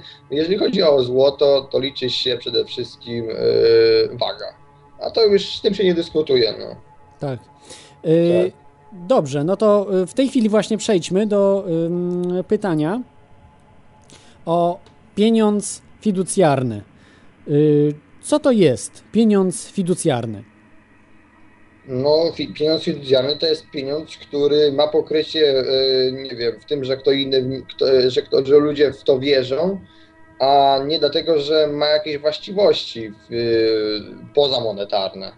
De facto każdy pieniądz fiducjarny nie ma właściwości pozamonetarnych, no a taki pieniądz towarowy, no to jednak jest jakimś towarem, czyli może mieć właściwości pozamonetarne. Na przykład złoto, no może być jeszcze biżuterią, nie wiem, jakieś zastosowanie metaliczne, no a co zrobić, nie wiem, z papierem? Mówię o takim papierze takim pieniężnym, no bo no wiadomo, na papierze można pisać, ale na złotówce pisać coś, na 10 złotówkach i 20 złotówkach, to się nie nadaje do pisania, więc ten, ten pieniądz tak naprawdę e, jako towar nie reprezentuje nic, albo reprezentuje wartość praktycznie byle jaką. Numizmatyczną czy kolekcjonerską? Tak, no a to tak, natomiast de facto nie prezentuje nic i jego wartość, jaka jest na rynku, bierze się stąd, że po prostu ludzie wierzą, że on jest więcej warty niż, niż y, normalnie jakby nie był pieniądzem. No. Natomiast złoto, jakby nie było Mhm. pieniądzem, y, to ono nadal jest tyle warte, ile jest praktycznie. Czyli no, nie ma żadnej tam nadwyżki. Ale ciekawostka, w Polsce jedno, dwu i chyba pięciogroszówki wagowo jako towar, jako miedź jest więcej, są więcej warte niż, yy, niż nominały. Mhm. Tylko teraz to ciekawe, tutaj yy, ten yy, Łukasz Korycki, szef łódzkiego to mówił, ja się widziałem z nim w zeszłą, w zeszłą sobotę, że nie wiem czy wiecie, yy, jeżeli posiadasz jedną groszówkę, dwu i pięciogroszówkę, to to nie są twoje pieniądze. Gdybyś się zarobił yy, i nie wiem, dostał wypłacie jako zwrot podatku czy jako co, to to nie są twoje pieniądze, I to się wyraża w tym, że ty tych pieniędzy nie możesz przetopić na miedź i potem sprzedać jako. Yy, znaczy, i nie, Mhm. Tak, nie, jest to karalne, z tego co wiem. Jest to karalne, więc Tak. to nie są twoje pieniądze, bo to nie jesteś właścicielem, nie rozporządzasz tym Mhm. we wszelki, we wszelki możliwy sposób. To to jest chore, bo nie możesz wziąć własnych No tak. pieniędzy do, chu- do No to jest monopol. do. Monopol państwa po prostu. Monopol To państwa jest i... pokazane, Mhm. To jest pokazane, to co ja od dłuższego czasu mówię, znaczy od dłuższego, no, po prostu no, mówię, że mm, y, jedynym właścicielem y, w systemie takim państwowym jest de facto państwo, rząd. To co, to, co my mówimy, że jesteśmy właścicielami, to nie jesteśmy właścicielami, tylko jesteśmy dzierżawcami. Prawdziwych właścicieli, sensie takim ekonomicznym, na całym świecie jest około 200, czyli po prostu 200 właścicieli, 200 właścicieli państw, no. Mhm. To rząd jest władcą, a nie my, no. I No, rząd jest właścicielem, a nie my. Więc y, no, jeszcze wróćmy do tego pieniądza fiducjarnego. Tak, Po tak, tak. Pieniądz fiducjarny ma więcej, y, ma wartość większą, aniżeli y, sam towar, z którego jest wykonany. Wartość ma tą tylko dlatego, że po prostu ludzie uważają, że on ma większą wartość. No z takiej zasadzie, i, a jako towar nie prezentuje nic. Czy złoto jest pieniądzem fiducjarnym, sztabka złota?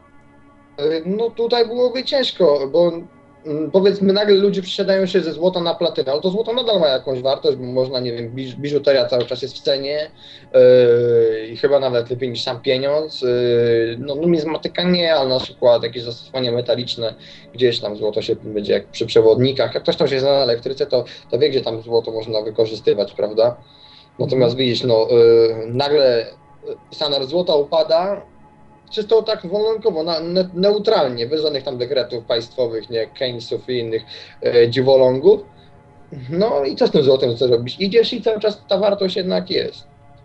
Tak, I, a fiducjarnym nie możesz. Mhm. No. Rza- Rzadkość po prostu, no tak jak meteoryty, prawda, jak, jak s- y, platyna, palad i tak dalej, no trzymają wartość, bo, bo są po prostu to materiały czy substancje rzadkie. Pierwiastki, dobrze. No, rzadkie, rzadkie, no wiesz, platyna jest jeszcze rzadsza. No, rzadkie, ale poza tym no, jeszcze takie, że mm, ciągliwe, oczywiście, mm, łatwo je tam Tak, obrabiać. tak, tak, tak, tak. własności. No nie ulegają korozji, przecież no, podstawowa sprawa, no to jest szlachetne, nie? Mhm. Nie może być, no mi- mieć, mieć śniadzieje, y, jakieś tam, no nikiel, to tam, nie wiem, nie jestem dobry z chemii, no ale złoto jest takie, że złoto Tak, nic- y, nic 2000 się nie lat temu wydobyte jest takie samo jak złoto 5 lat temu wydobyte, Mhm. prawda? Fenomenalna Więc no, sprawa. Y, Srebro tak samo się nie dzieje, prawda, także też nie jest tak idealne, no ale jest dużo tańsze Tak. przez to też. y, no tak. Y, Dobrze. Zostawię tych o, o pieniądzach, tych tak zwanych wirtualnych, o których no, tutaj większość słuchaczy po prostu jest już Nie no, rozgrzana. powiedzmy o tych Za chwilkę, na po przerwie, tak. o tym będzie po przerwie, Kołkmenie.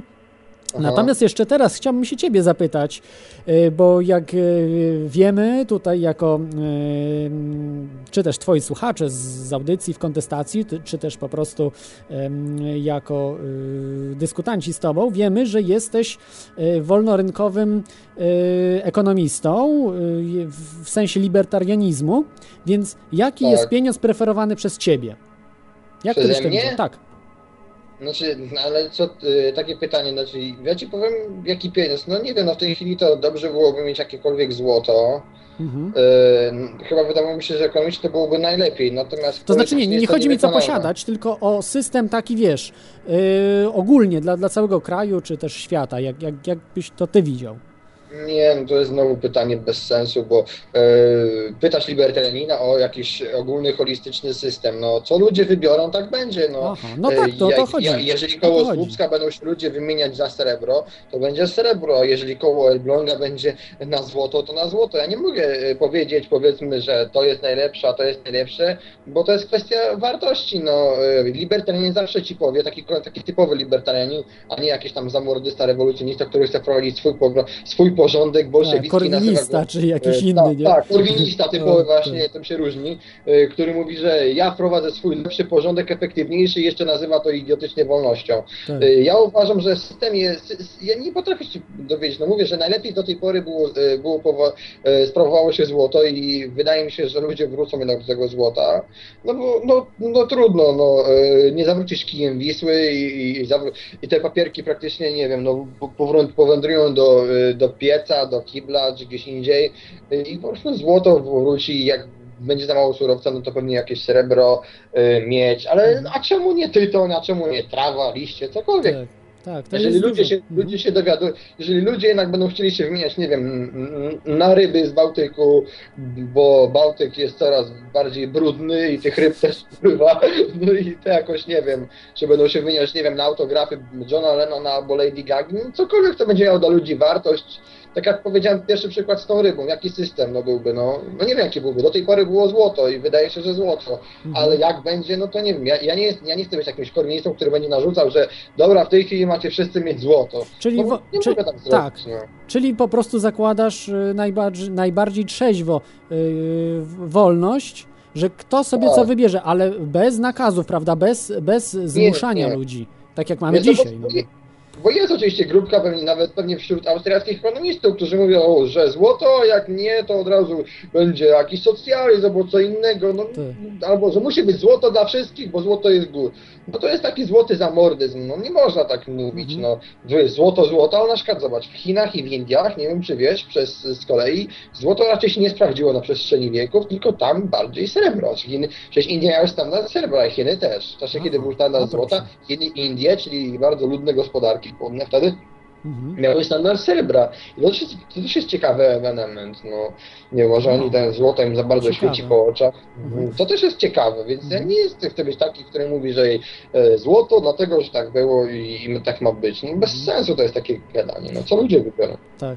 Ja tylko jeszcze dopowiem tutaj, że absolutnie się z Tobą zgadzam w tej kwestii. E, Pod koniec jeszcze powiem o, o książkach, e, o tym, e, co najlepiej poczytać w tym, w tym temacie, bo ten temat jest naprawdę ja, jednym ja z najważniejszych. ja też powiem. Tak, tak, tak. Oczywiście do ciebie też e, będę, e, zapytam się ciebie, ale o Chinach tylko tutaj, bo wspomniałeś też o Chinach, że w średniowieczu i, i wczesnym renesansie, w, czyli w dosyć zamierzchłych czasach, to, to prawdopodobnie e, właśnie tam, tak jak mówiłeś, prawda, że też był ten standard srebra, natomiast tam oni wiem, że też, też mieli ten druk pieniądza, bo jako pierwsi druk wynale, wynaleziono właśnie w Chinach, a nie. Tak, nie- piekielny wynalazek Hiensunga. Tak. O, ja, ja, ja ich nie za papier, za prochy, chcę nie fajerwerki, Tak. za drukarnię, ale no, ja, można drukować, a no, Mhm. pieniądze no, z tym nie wyszło. No. Yy, tylko chciałem tutaj powiedzieć, że yy, tak jak mówi się, że teraz Chiny są potęgą, to jest bzdura. Yy, kiedyś Chiny były potęgą. Chiny były dużo potężniejsze kiedyś, właśnie w tamtych latach, 600-700 lat temu, dużo, dużo potężniejsze niż cała reszta świata. Cała, podkreślam, cała reszta świata, nie tylko militarnie, ale naukowo, pod każdym, pod każdym względem. I y, w tej chwili nawet Stany Zjednoczone nie mają takiej przewagi nad, y, nad resztą świata, jaką miały Chiny kiedyś. Nie, nie mówię o militarnej, tylko ogólnie jako, jako po prostu imperium wielkie. Tylko, że oni byli krajem izolacjonistycznym, jeśli dobrze, dobrze pamiętam. No, przyszli, przyszli Tatarzy i ich obali. No, może tak oni się właśnie, właśnie zamknęli. Zresztą oni jako pierwszy do Ameryki dotarli. O tym też kiedyś e, audycję e, będzie kiedyś w teorii chaosu o tym audycja, że pierwsi e, byli wikingowie, drudzy, pierwsi wikingowie byli w Ameryce, drudzy Chińczycy, a dopiero trzeci Europejczycy. Ale dobra, e, w, tej chwili może zróbmy sobie przerwę, bo tyle rzeczy tutaj nam dookoła e, o- dookoła mówiliśmy, a dopiero jesteśmy w połowie audycji. A potem o bitcoinach, bo Martin O, czeka. no oczywiście o bitcoinach, ale troszeczkę musicie jeszcze poczekać. E, No. chwilę, chwi, chwila przerwy i dzwońcie. Przypominam e, wam numer 222 195 321 kontestacja.com. E, Za chwilę właśnie wracamy do tak zwanego bitcoin. A teraz posłuchajcie e, bardzo fajnego utworu. Może nie dla każdego, ale posłuchajcie proszę.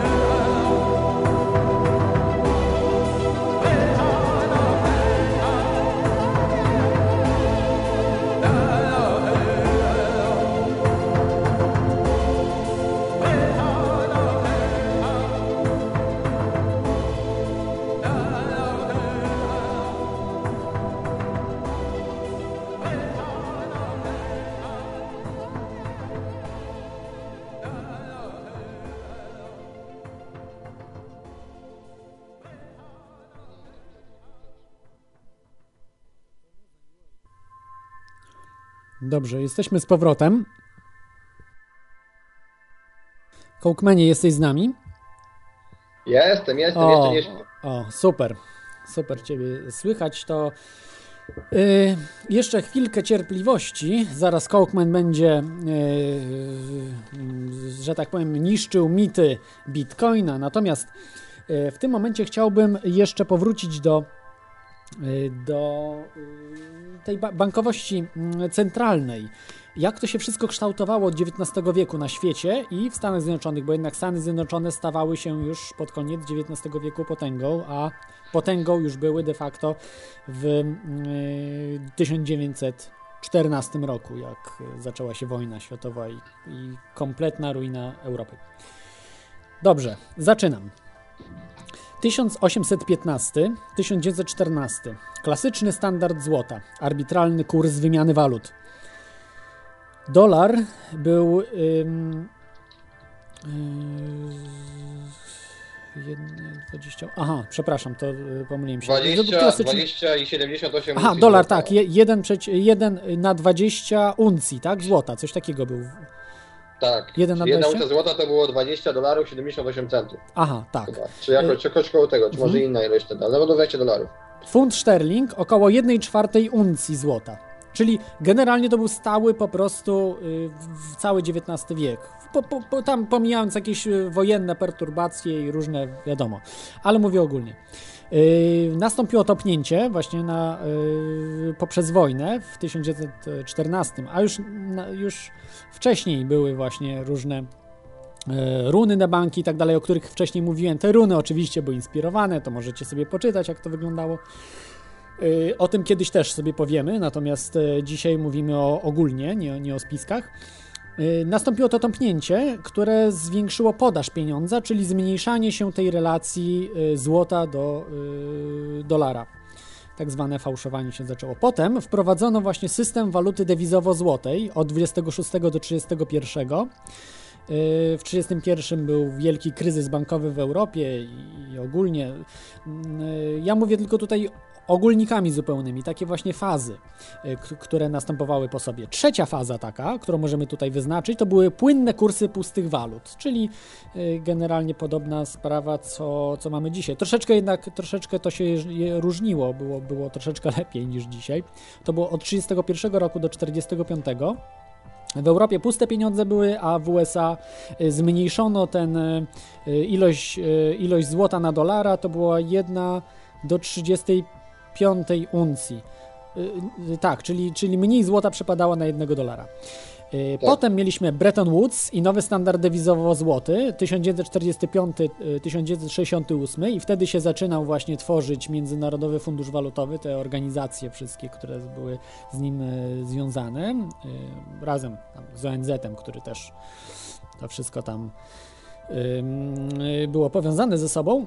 Y, Nastąpił rozpad systemu Bretton Woods w 60, od 68 do 71. W sied- Od 70, 1971 do y, 1973 była tak zwana umowa waszyngtońska, a potem w, od 73 roku, 1973 do dzisiaj mamy płynne kursy pustych walut. Czyli państwowe pieniądze bez żadnego pokrycia, także w Polsce. Uwaga, także w Polsce. Ja jeszcze chciałbym Ci zadać e, taką, taką kwestię techniczną, e, jak e, może nie będziemy się wgłębiać, prawda, bo to, jest, to nie jest już aż tak prost, prosta sprawa, żeby zrozumieć te konta dyskontowe, prawda, i jak, jak to banki sobie nawzajem pożyczają od banku centralnego, jak to bank centralny pożycza bankom pieniądze na procent i tak dalej. Cho- Chodzi o te rezerwy cząstkowe. Co to są te re- rezerwy cząstkowe? Tak w takich najprostszych słowach, bo, bo wiem, że są różne na świecie, prawda, w Polsce inaczej niż w Stanach. Co to jest rezerwa cząstkowa? Tak. To znaczy to jest tak, jeżeli ty płacasz do banku 100 zł i tak, żeby te pieniądze tam leżały w banku yy, i te, te pieniądze były twoje, żebyś ty mógł w każdej chwili wyjąć, prawda? Mhm. Tak naprawdę, no to to jest, wiesz, zamiast do skarpety to wkładasz do banku, ale te co tutaj w każdej chwili, powiedzmy, masz, masz prawo wyjąć. Aha. To bank, stosując powiedzmy 10% rezerwę, czy cząstkową, jeden, jedna dziesiąta, nie? To nie jest całościowa, czyli 100%, tylko 10%. To robi tak, że 90, on wie dobrze, że ty nie przyjdziesz po 100 zł jutro, pojutrze, tylko ty zazwyczaj podbierasz po złotówce, po dwa, to on trzyma rezerwę 10 zł na twoim rachunku a 90 zł pożycza. Mhm. A przecież miał 100 zł trzymać, prawda? Tak. No, jeżeli ty się umówiłeś, bo to miało być, to miało być w formie depozytu. Mhm. Bo ty miałeś tam, to miało być, to miało być twoja taka e, bezpieczna skarpetka, jakby to mówiąc. Tak, czyli to zabezpieczenie jest 10% y, generalnie, prawda? Tak, tylko 10%. Yy, na co idzie te 90%? No na jakieś, na kreację kredytu, czyli de facto tworzymy pieniądz kredytowy, yy, coraz więcej tego pieniądza jest. Powiem Ci tak, przy rezerwie 10% to nie jest tak, że Ty wytworzysz tylko i wyłącznie 9, yy, 90 zł, tylko przy, tylko de facto tam się tam da, tam da radę wytworzyć chyba 9 tysięcy, znaczy nie, 990 zł. Powiększysz, y, powiększysz ilość pieniądza dziesięciokrotnie, a nie tylko y, o, o 90. Mhm. Ja myślę, że tutaj nie wgłębiamy się w to wszystko, Nie bo... zgłębiajmy się, bo Tak, chodzi tak, o to, tak, że, jest mniejsza rezerwa i tworzy się, tworzy się tego pieniądza Tak, o wiele tak. więcej na, zasadzie starych. To tak jakby piramida finansowa Mhm. i to się załamuje przy, bo to wywołuje y, cykle y, boomu i recesji, bez tego by tego nie było w ogóle. Y, w jakimkolwiek pieniądzu, na papierowym nie byłoby tego. Y, To wywołuje cykle y, kredytowe boomu y, i, re, i boomu i recesji i potem po prostu jest gorzej niż było na początku. A to już jest kwestia techniczna, to już trzeba czytać po prostu E, konkretne te... Tak, powiem o literaturze później, na, na, na sam koniec powiemy o literaturze, skąd właśnie czerpać informacje na ten temat, bo są świetne książki tłumaczące no, od A do Z, jeżeli ktoś chce się po prostu w ten temat zagłębić. Dobrze, no to przechodzimy teraz do tematu bardzo istotnego dla wielu słuchaczy kontestacji, y, którzy się z nami na pewno nie zgodzą, ale zobaczymy po tym, co powiemy. Y, Przechodzimy teraz o wirtualnych pieniądzach, czyli jeszcze coś innego niż pieniądze fiducjarne, bo pieniądz fiducjarny jeszcze jakoś w, rękę, w ręku można podtrzymać, prawda? Natomiast mówimy o czymś, co nie istnieje kompletnie.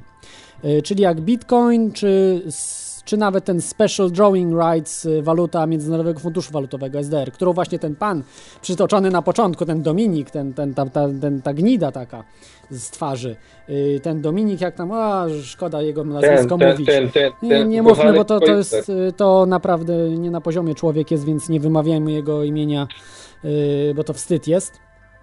Co, On ja proponował pretensje, walutę. Że, ja mam do niego kurna pretensje, że on szarga nazwisko po prostu y, kompozytora. Ja naprawdę uwielbiam nad, nad pięknym młodym Dunajem w Odysei Kosmicznej, super to wyszło.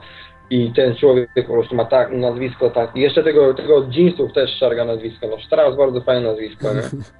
No, A co, on- co no zrobić? I jeszcze, i, a, a drugi człowiek nazwiska, no słuchaj, Kan, no to przecież to był ten, y, bramkarz, nie, Bayernu, no też super facet, długo tam bronił, jeden z najlepszych bramkarzy i kurna, i tak Mhm. można niszczyć markę, jak tak. Dobrze, no w każdym razie nazwijmy go Dominik e, S.K. To Tak. wystarczy, bo y, chodzi o to, nie, nie, nie mówię o szar, szarganiu, no możemy tak, żeby nie szargać tym nazwiskiem, prawda? Nie będę wymieniał, bo, bo to y, wstyd właśnie y, jest dla, y, dla tego człowieka, dla tego Dominika, że tak szarga po prostu wielkimi nazwiskami. Dobra, przechodzimy do tego tematu właśnie tych, tych walut. Co sądzisz o tym, o, o tych walutach, które są nie tylko, że nie mają pokrycia w realnym świecie, ale nie istnieją właśnie de facto. Nie istnieją, brak jest takiej realnej gotówki. Tam niektórzy mówią, że jest ta gotówka w przypadku tego bitcoina, gdzieś tam na jakimś USB nosi się gdzieś tam y, i tak dalej. Ale chodzi o taką gotówkę, mm, gotówkę, no nie wiem, no y, może inaczej. Zacznijmy może gotówka. Co to jest gotówka? Co tu jest gotówka? Tak. Jak to można by było zdefiniować według ekonomisty? To znaczy tak, no, czy jest różnica między gotówką a pieniądzem? Nie zastanawiałem się nad tym, to też nie będę ściemniał. E, No to jest y, pieniądz jakiś taki papierowy, którym w każdej chwili może jakiś pieniądz taki, taki e, namacalny, konkretny, który przychodzisz, pokazujesz temu jakiemuś panu, czy Mhm. pani, komukolwiek na rynku, na targu, gdziekolwiek, nie wiem, no na Allegro nie, no ale jest to jakiś namacalny pieniądz, który pokazujesz i wymieniasz się tym pieniądzem, prawda? Tak. No tak, czyli Mhm. nawet y, no, gotówka, no to to jest to, powiedzmy, w czym ma pokrycie, nie wiem, mm, pieniądz, chociażby pieniądz kredytowy, nie? Bo pieniądz kredytowy też jakimś pieniądzem, e, na przykład pieniądz kredytowy w postaci weksla, no ale na wekslu napisane jest powiedzmy 200 zł, prawda? Mhm. No ale te 200 zł i, i, i ten e, weksel to jest obietnica zapłaty e, 200, 200 zł za ileś, no i prędzej czy później e, ten papier z tym Zygmuntem Starym albo dwoma jagiełami będzie musiał się pojawić, prawda? No to to jest gotówka, czyli ten namacalny pieniądz w zasadzie. Mhm. Natomiast Bitcoin, co ja o tym sądzę? No co ja o tym sądzę? Powiem tak, no to co mówiłem wczoraj u Martina, yy, technicznie to jest tak, że to ma zabezpieczyć na to, to w zasadzie takie, że jak będzie bajzel, yy, to, to, to, będą, to będą te bitcoiny, bo to jest niby takie inne. Tylko, że yy, jak będzie bajzel, to nie wiem, czy ja będę miał internet. Yy, nawet mobilny. Nie wiadomo, co się będzie działo. Mhm. E, Jak był Bajzel, no to wiesz, e, tory rozmontowywali, przecież tam Bajzel będzie wojna. No ale przecież... Będzie wojna, to się, to się Tak. rozmontowuje infrastrukturę, się burzy mosty, jeden się wysadza, a drugi się montuje. Ale- I Mhm. tak samo się będzie robiło z infrastrukturą, no to jest telegrafy się przycina, będzie się pewnie będzie się pewnie wywalało, wysadzało jakieś maszty telekomunikacyjne, no wiadomo, no e, tak jak dawniej e, na II wojnie światowej były, jeździły wozy pelengacyjne i niszczyły radiostacje, tak to będzie na infrastrukturze e, e, czy to kablowej, czy jakiejś tam komórkowej, no to będziemy korzystać zarówno i sojusznik, jak i wróg, więc trzeba najlepiej zniszczyć to wszystko i wrócić do korzeni. Mhm. Znaczy, no takie będą prawa wojny, no to, to jest kwestia techniczna. A kolejna sprawa, A poczekaj, jeszcze Tak. tylko dopowiem, że nie trzeba wojny. Przecież w Egipcie odłączono internet, odłączono komórki i, i, i co? I nie było, nie było po prostu. I nie, nie, było było, wojny. nie było, no i był bitcoin między Egipcjanami, no nie było bitcoinu. No, Koniec. wrócono, no, jak mi się nie podobało, no to trzeba było co innego, nie wiem, no, znowu wymieniać się na, na, na piasek na pustyni najlepiej się wymieniać. No, e, dobra. I teraz, y, co jest jeszcze istotna sprawa? No to widzisz, no, pieniądz towarowy, czyli złoto, srebro, nawet tytoń, to było coś, co miało wartość pomimo wartości monetarnych. Potem był ten pieniądz, e, taki papierowy, no to co? No to to jest papierek, tak? A to jest coś namacalnego, więc i ludzie wierzą, że ten papierek, mimo że nie jest wart tyle, ile papierek, realnie, no nie wiem, pół grosza za sam dwa grosze za, za, za sam papier, e, zużyty do wydrukowania 10 zł czy 20-40 zł iluś tam, nie? E, no to jest tam warty parę groszy, ale on jest warty 10, 20, 20, 40, 50 zł, tylko dlatego ludzie wierzą, że on jest tyle warty, bo ludzie wierzą w podpis, nie wiem, Maka, Belki, Balcerowicza, No, Skrzypka, państwo pamięci. generalnie wierzą, no bo Tak, za, wierzą za państwo państwo. stoi, tak. Tak, wierzą w to. E, No ale to jest coś namacalnego. A Bitcoin, no to, to jest też jakiś pieniądz, rodzaj pieniądza fiducjarnego. No wierzą, że to ma jakąś wartość i ludzie się wymieniają. No. Mhm. Powiem tak, e, nikt nikogo nie zmusza do tego Bitcoina i to jest istotne. Jest jakaś alternatywa, jak komuś się to podoba, ktoś to wierzy, no to czemu nie? Ja powiedziałem jeszcze raz, nikt nie broni, nie wiem, Algierczykom, Libijczykom czy Egipcjanom wymieniać się za piasek na Saharze i to będzie to samo, no jeżeli wierzę, że dany, dany piasek ma taką, a nie inną wartość, tylko w tym momencie, no to, to, to nie spełnia troszeczkę funkcji pieniądza, bo, no bo to jest, jeżeli to jest wirtualne, to to jest samokopiowalne. Mhm. Mm, yy, Nie wiem, yy, jak to jest centralizowane czy zdecentralizowane, ale jest jakieś algorytmy. Zaraz do tego dojdziemy. Ja tu... Tak, niech się trafi jakiś agent CIA czy ktoś inny, albo jakiś hakier. Jeśli Poczekaj, poczekaj, wam- poczekaj, poczekaj. Wchodzisz, wchodzisz już tutaj w moje kompetencje. Ja się spiskami zajmuję i tutaj ja chciałbym powiedzieć, czy, czy jeszcze ze strony ekonomicznej, takiej pomijając jakiekolwiek spiski, czy... em, strony ekonomicznej, Tak. no to to jest taki namacalny, wiesz, no to jest tak, no tak jak mówię, no dobry system. Jeżeli ludzie w to wierzą i to ma jakiś sens, jakiś produkt, jakiś... Yy, jeżeli jest to jakiś środek wymiany, czyli powiedzmy, ja chcę, ja chcę kupić sobie działkę, nie wiem, amfy, nie? Mhm. I nie mogę kupić za... I tak, mam dolary, mam euro, mam złoto, no ale y, dany dealer, nie wiem, w Kolumbii czy gdzieś mówi, że on, on chce za bitcoin, no to bitcoin jest mm, idealnym pieniądzem do tego, żeby kupić amfę, albo nie wiem co jeszcze, może, jakiś, może jakąś broń, może jakiś żywy towar, a czemu nie? Jak się ktoś zgodził być żywym towarem oczywiście, bo ja akceptuję dobrowolne niewolnictwo, czy jeszcze co innego, no to, to bitcoin jest wtedy idealny pieniądz na takie sprawy. Y, Poda mi się, bo coś takiego, bo wiesz, ja na przykład y, utożsamia się troszeczkę z algorytmem, więc jest to jakieś, jakaś próba ominięcia tego oficjalnego systemu, jest to jakiś taki szary, undergroundowy rynek, to to mi się Mhm. troszeczkę w tym podoba. Natomiast y, na szerszą skalę póki co, no to to jest y, ciężkie do zaakceptowania, Mhm. tym bardziej, że można internet wyłączyć chociażby, prawda? I, I no i teraz twoje kompetencje, jak można y, rozkminić to, żeby powiedzmy tego bitcoina nie przerastało w tempie 20 bitcoinów, nie wiem, na tydzień, i czy tam ile tam przerasta, tylko tam 20, 20 tysięcy niech przerasta, bądźmy bogaci, nie? Mhm. Ja od drugiej strony pójdę. Teraz od strony spiskowej Bitcoin, bo troszkę zrobiłem tutaj y, malutkie śledztwo, bo na razie się tym na poważnie nie zająłem. Ym, Też, y, tak tylko powiem, że też jestem agorystą i, i, i zgadzam się y, z Tobą, że jeżeli miałoby to sens, gdyby to było inaczej rozwiązane. Ale dlaczego? Teraz, teraz powiem Wam, y, dlaczego bardzo mi się to nie podoba. I uważam, że każdy wo, wolno myślący człowiek nie powinien tylko uważać to tam za piramidkę jakąś. Coś, coś, że to gdzieś tam, gdzieś tam jest. Ja uważam, że to jest y, tak zwany backdoor, czyli w, w języku hakerów jest to tylne wejście do pieniądza ogólnoświatowego, czyli tego SDR, który miał zostać właśnie ten pieniądz SDR. Jak sobie wpiszecie w internet SDR, to, to y, zobaczycie, co to jest. Y, to ma być właśnie tak, żeby sami wolnościowcy, którzy no, nie myślą dalej niż tam rok do przodu, czy tam pół roku do przodu, żeby sami przyjęli ten pieniądz. I dzięki temu nowy porządek świata, czy rząd światowy, czy jakkolwiek czy określamy to, Międzynarodowy Fundusz Walutowy, te wszystkie organizacje, y, przyjmą bitcoina jako y, walutę równoprawną z innymi środkami płatniczymi. Teraz Wam podam, dlaczego tak uważam. Pierwsza sprawa. Kto wynalazł bitcoina? Yy, on był już proponowany w latach 90. Bitcoin, natomiast kto, yy, kto stoi za Bitcoinem tym, który znamy dzisiaj? Jest to niejaki pan Satoshi Nakamoto, Japończyk. Yy, Był on założycielem właśnie yy, Bitcoina i, i głównym inicjatorem tego właśnie, czy, czy nie inicjatorem, twórcą klienta programu właśnie tego Bitcoin. Y, Co on o sobie powiedział na y, profilu peer-to-peer? Y, Że y, jest z Japonii. I tyle o nim wiadomo, nic więcej nie wiadomo o tym człowieku. To piszą na oficjalnej stronie Bitcoina. To już powinno się każdemu zapalić czerwone światło, kto myśli dalej niż pół roku do przodu. Yy, Dodam tylko, że już nie pracuje nad Bitcoinem, tylko zaprojektował te wszystkie mechanizmy yy, i cały system. Niby jedna osoba, w cudzysłowie oczywiście, gdzieś tam z Japonii. Yy, I od, nie wiem, w którym już pracował na tym od 2007, 2007 roku, natomiast teraz nie wiem, nie wiem, chyba już nie pracuje. Chyba tak, chyba już nie. Dobrze, kolejna sprawa.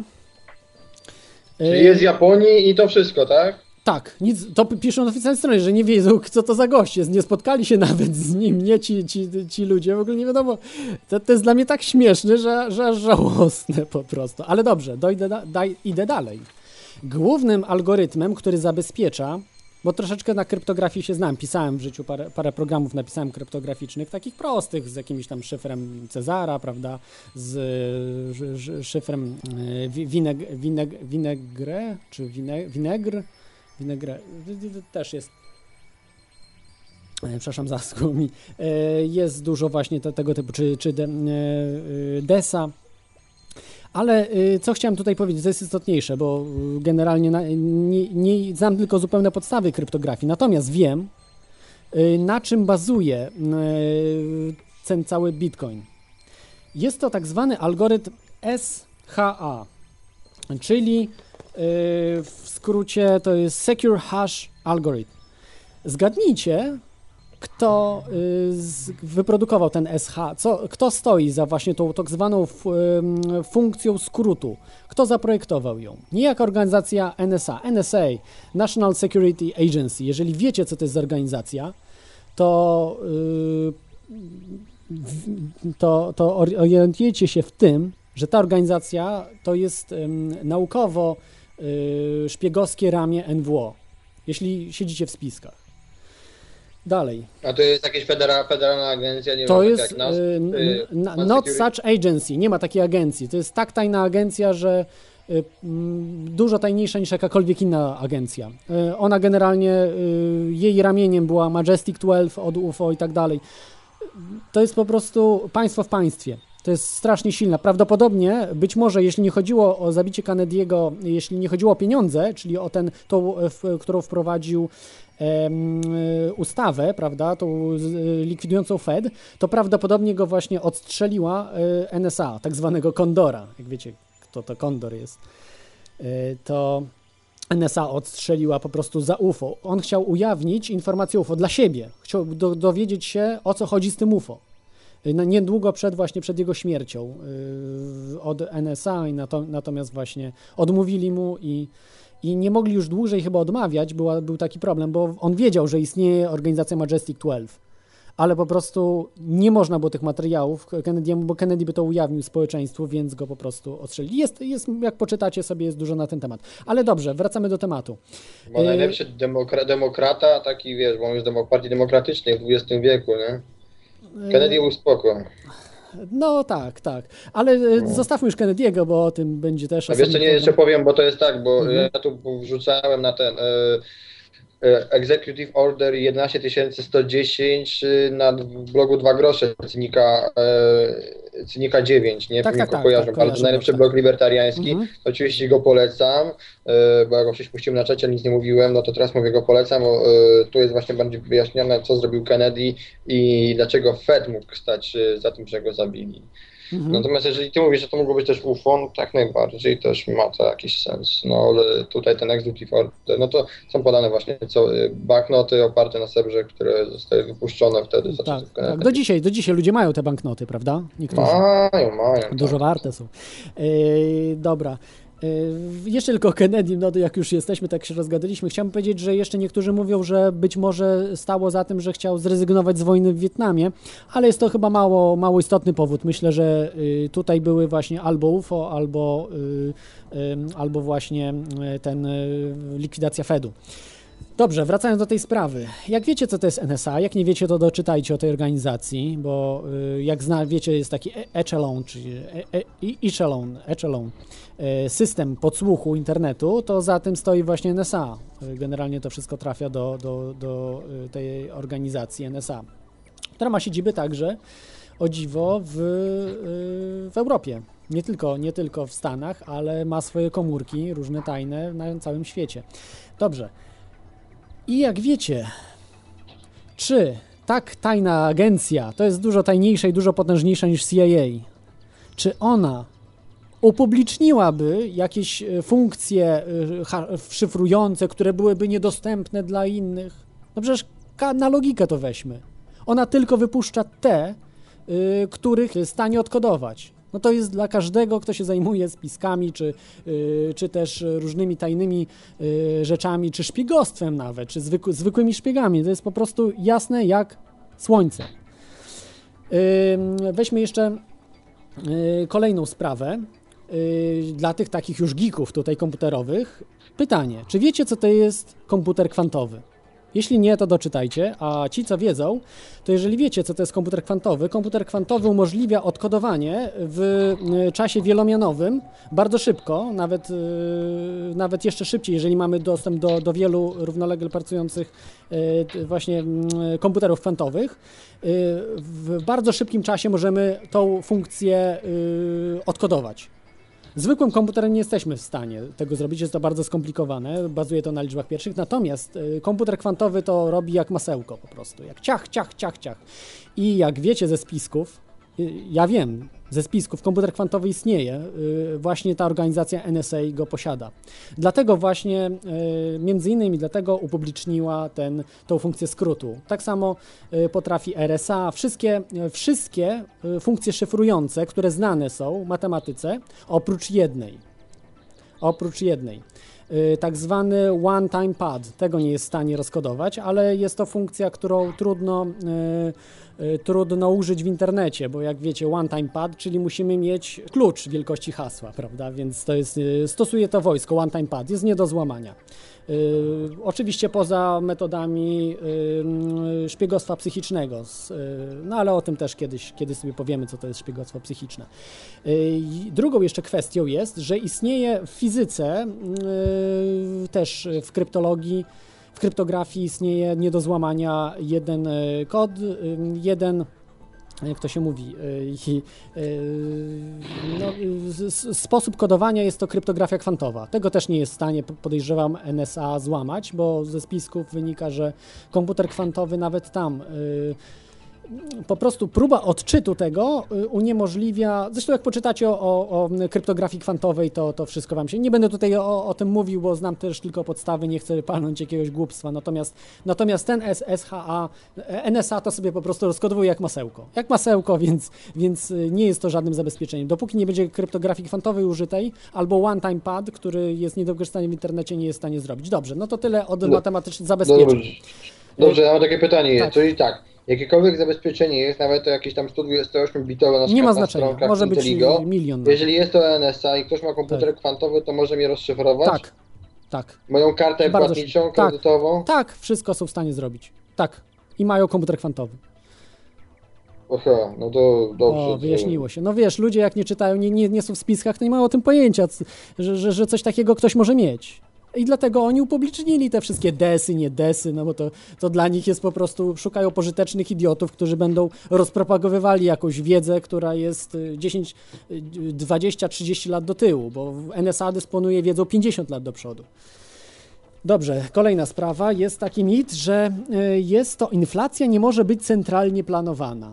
O, ale jeżeli NSA ma dostęp do tych kodów, y, do rozszyfrowywania SHA, to niestety może to robić. I robić w, to ta, w taki sposób, że nawet nie będziemy świadomi tego zupełnego sprawy. O, mm, to, to może tyle tutaj o, o, tej, y, o, o tym, bo ty ekonomicznie to bardzo ładnie przedstawiłeś, tu już nie mam nic do dodania. Martin tak samo w swoim programie ekonomicznie to, to, to załatwił. Ja tu od strony po prostu zabezpieczeń, że to jest kompletnie nie, niezabezpieczone.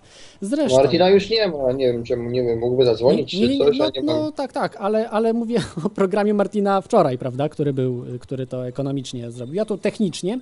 Jeszcze jest jedna sprawa, że da, da się y, jakoś to podejść. Czytałem ostatnio na stronie z jednego autora yy, znającego się na kryptografii, który właśnie opisał który opisał, i można to zrobić omijając, że nie posiadając komputer kwantowy, że też da się robić jakieś, jakieś triki z, z właśnie z tym bit, bitcoinem całym.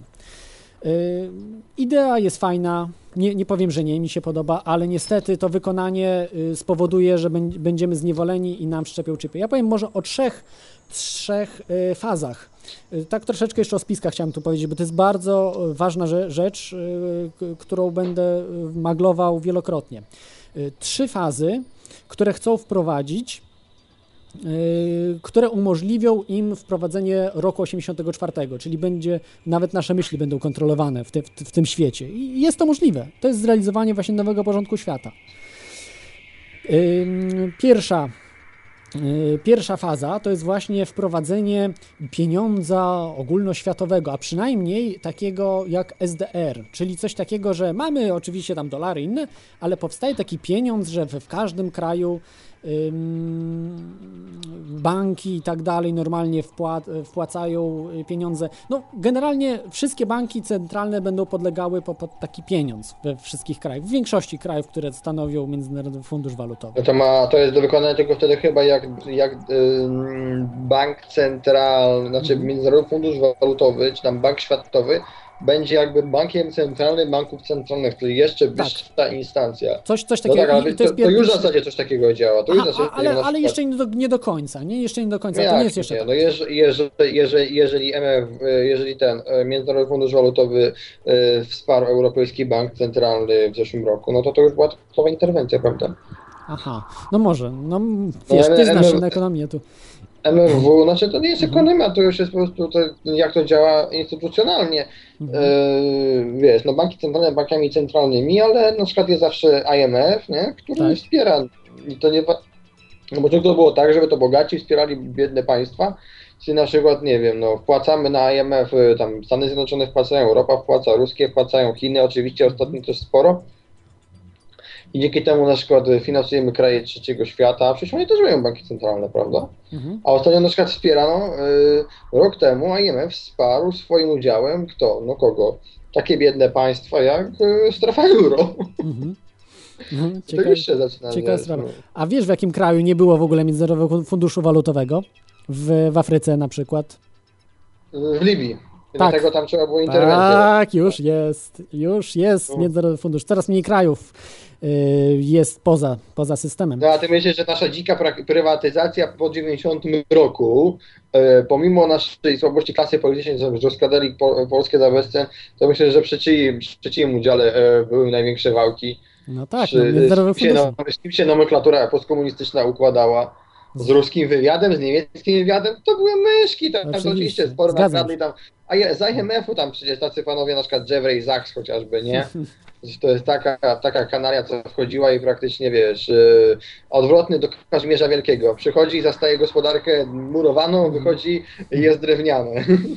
No ale to tak, to, y, to jest, wiesz, to już się nie liczymy, prawda, należymy do Unii Europejskiej, ale y, chciałem powiedzieć o tych fazach, bo one są ważne, czyli pierwsza faza mówi, że już jest prawie, że zrealizowana. No tutaj to chcą tego bitcoina tam backdoorem wprowadzić, żeby tam jeszcze to ten y, ułatwiło, wszystkich wolnościowców przekonało, prawda, żeby, żeby pójść za tym jednym pieniądzem. To jest pierwsza faza. Drugą fazą to już jest faza, którą muszą y, wprowadzić komputerowy system. No to właśnie tego bitcoina, prawda, że nie będzie, nie będzie gotówki. To jest drugi, drugi system, bo pierwszy właśnie, żeby ta centralizacja była, drugi to jest brak gotówki, czyli mamy tylko No. elektroniczny pieniądz. No to bitcoin właśnie umożliwia tą drugą fazę. No tak samo jak było odejście, wiesz, odejście było od towaru na rzecz samej, na rzecz Mhm. papierowej gotówki, nie? Że w pewnym momencie wprowadzono tą gotówkę Tak. i wszyscy mówią, o jak fajnie, papierek, papierek, że po co, teraz już nie będzie złota, to już nie muszę dźwigać tej sakiewki, nie? Tak, tak. Teraz będzie papierek, a teraz to już nawet po co papierek, wszystko jest elektronicznie, Tak, elektronicznie. I, I to jest druga faza. A trzecią fazą to jest już faza z, typowo ze spisków. Y, Znane zresztą te dwie też fazy, bo to, to, to, to te rzeczy to o tym generalnie mało kto ma pojęcie. Y, Trzecią fazą jest chip RFID. Pewnie słyszałeś, nie? Wszczepiany do każdego człowieka.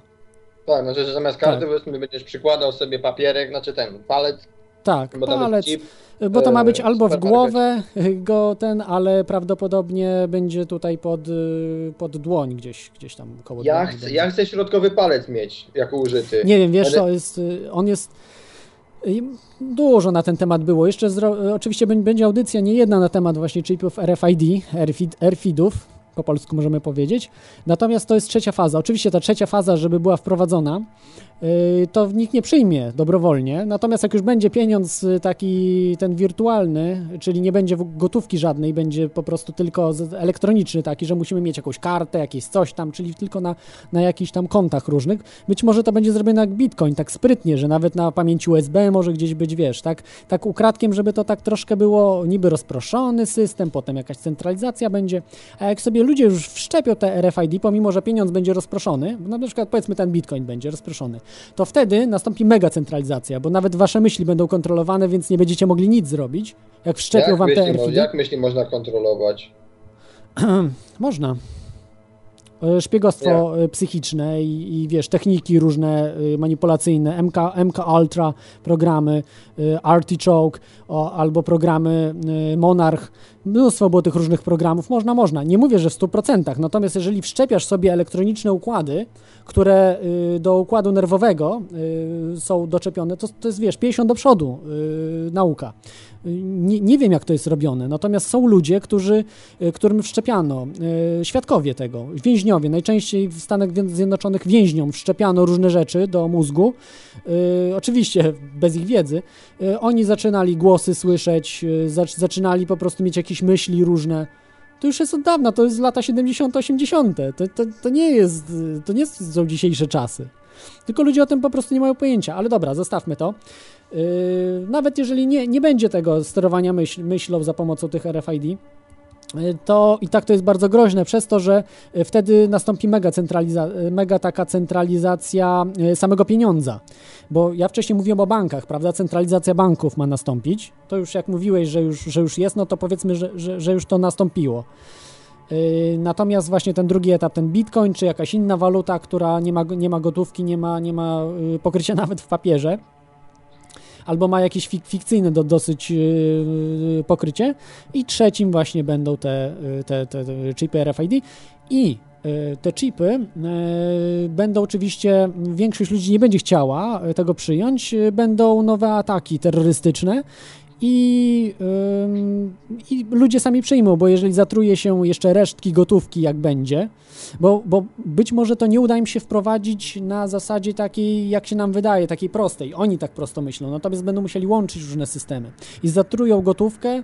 Nie wiem, czy na przykład przed tym, żeby wprowadzić tego bitcoina, czy, czy po tym, ale zrobią właśnie jakieś tak, takie, ta, takie manewry. Zresztą różne są scenariusze, natomiast to jest bardzo groźne, dlatego bitcoin jest bardzo groźną walutą.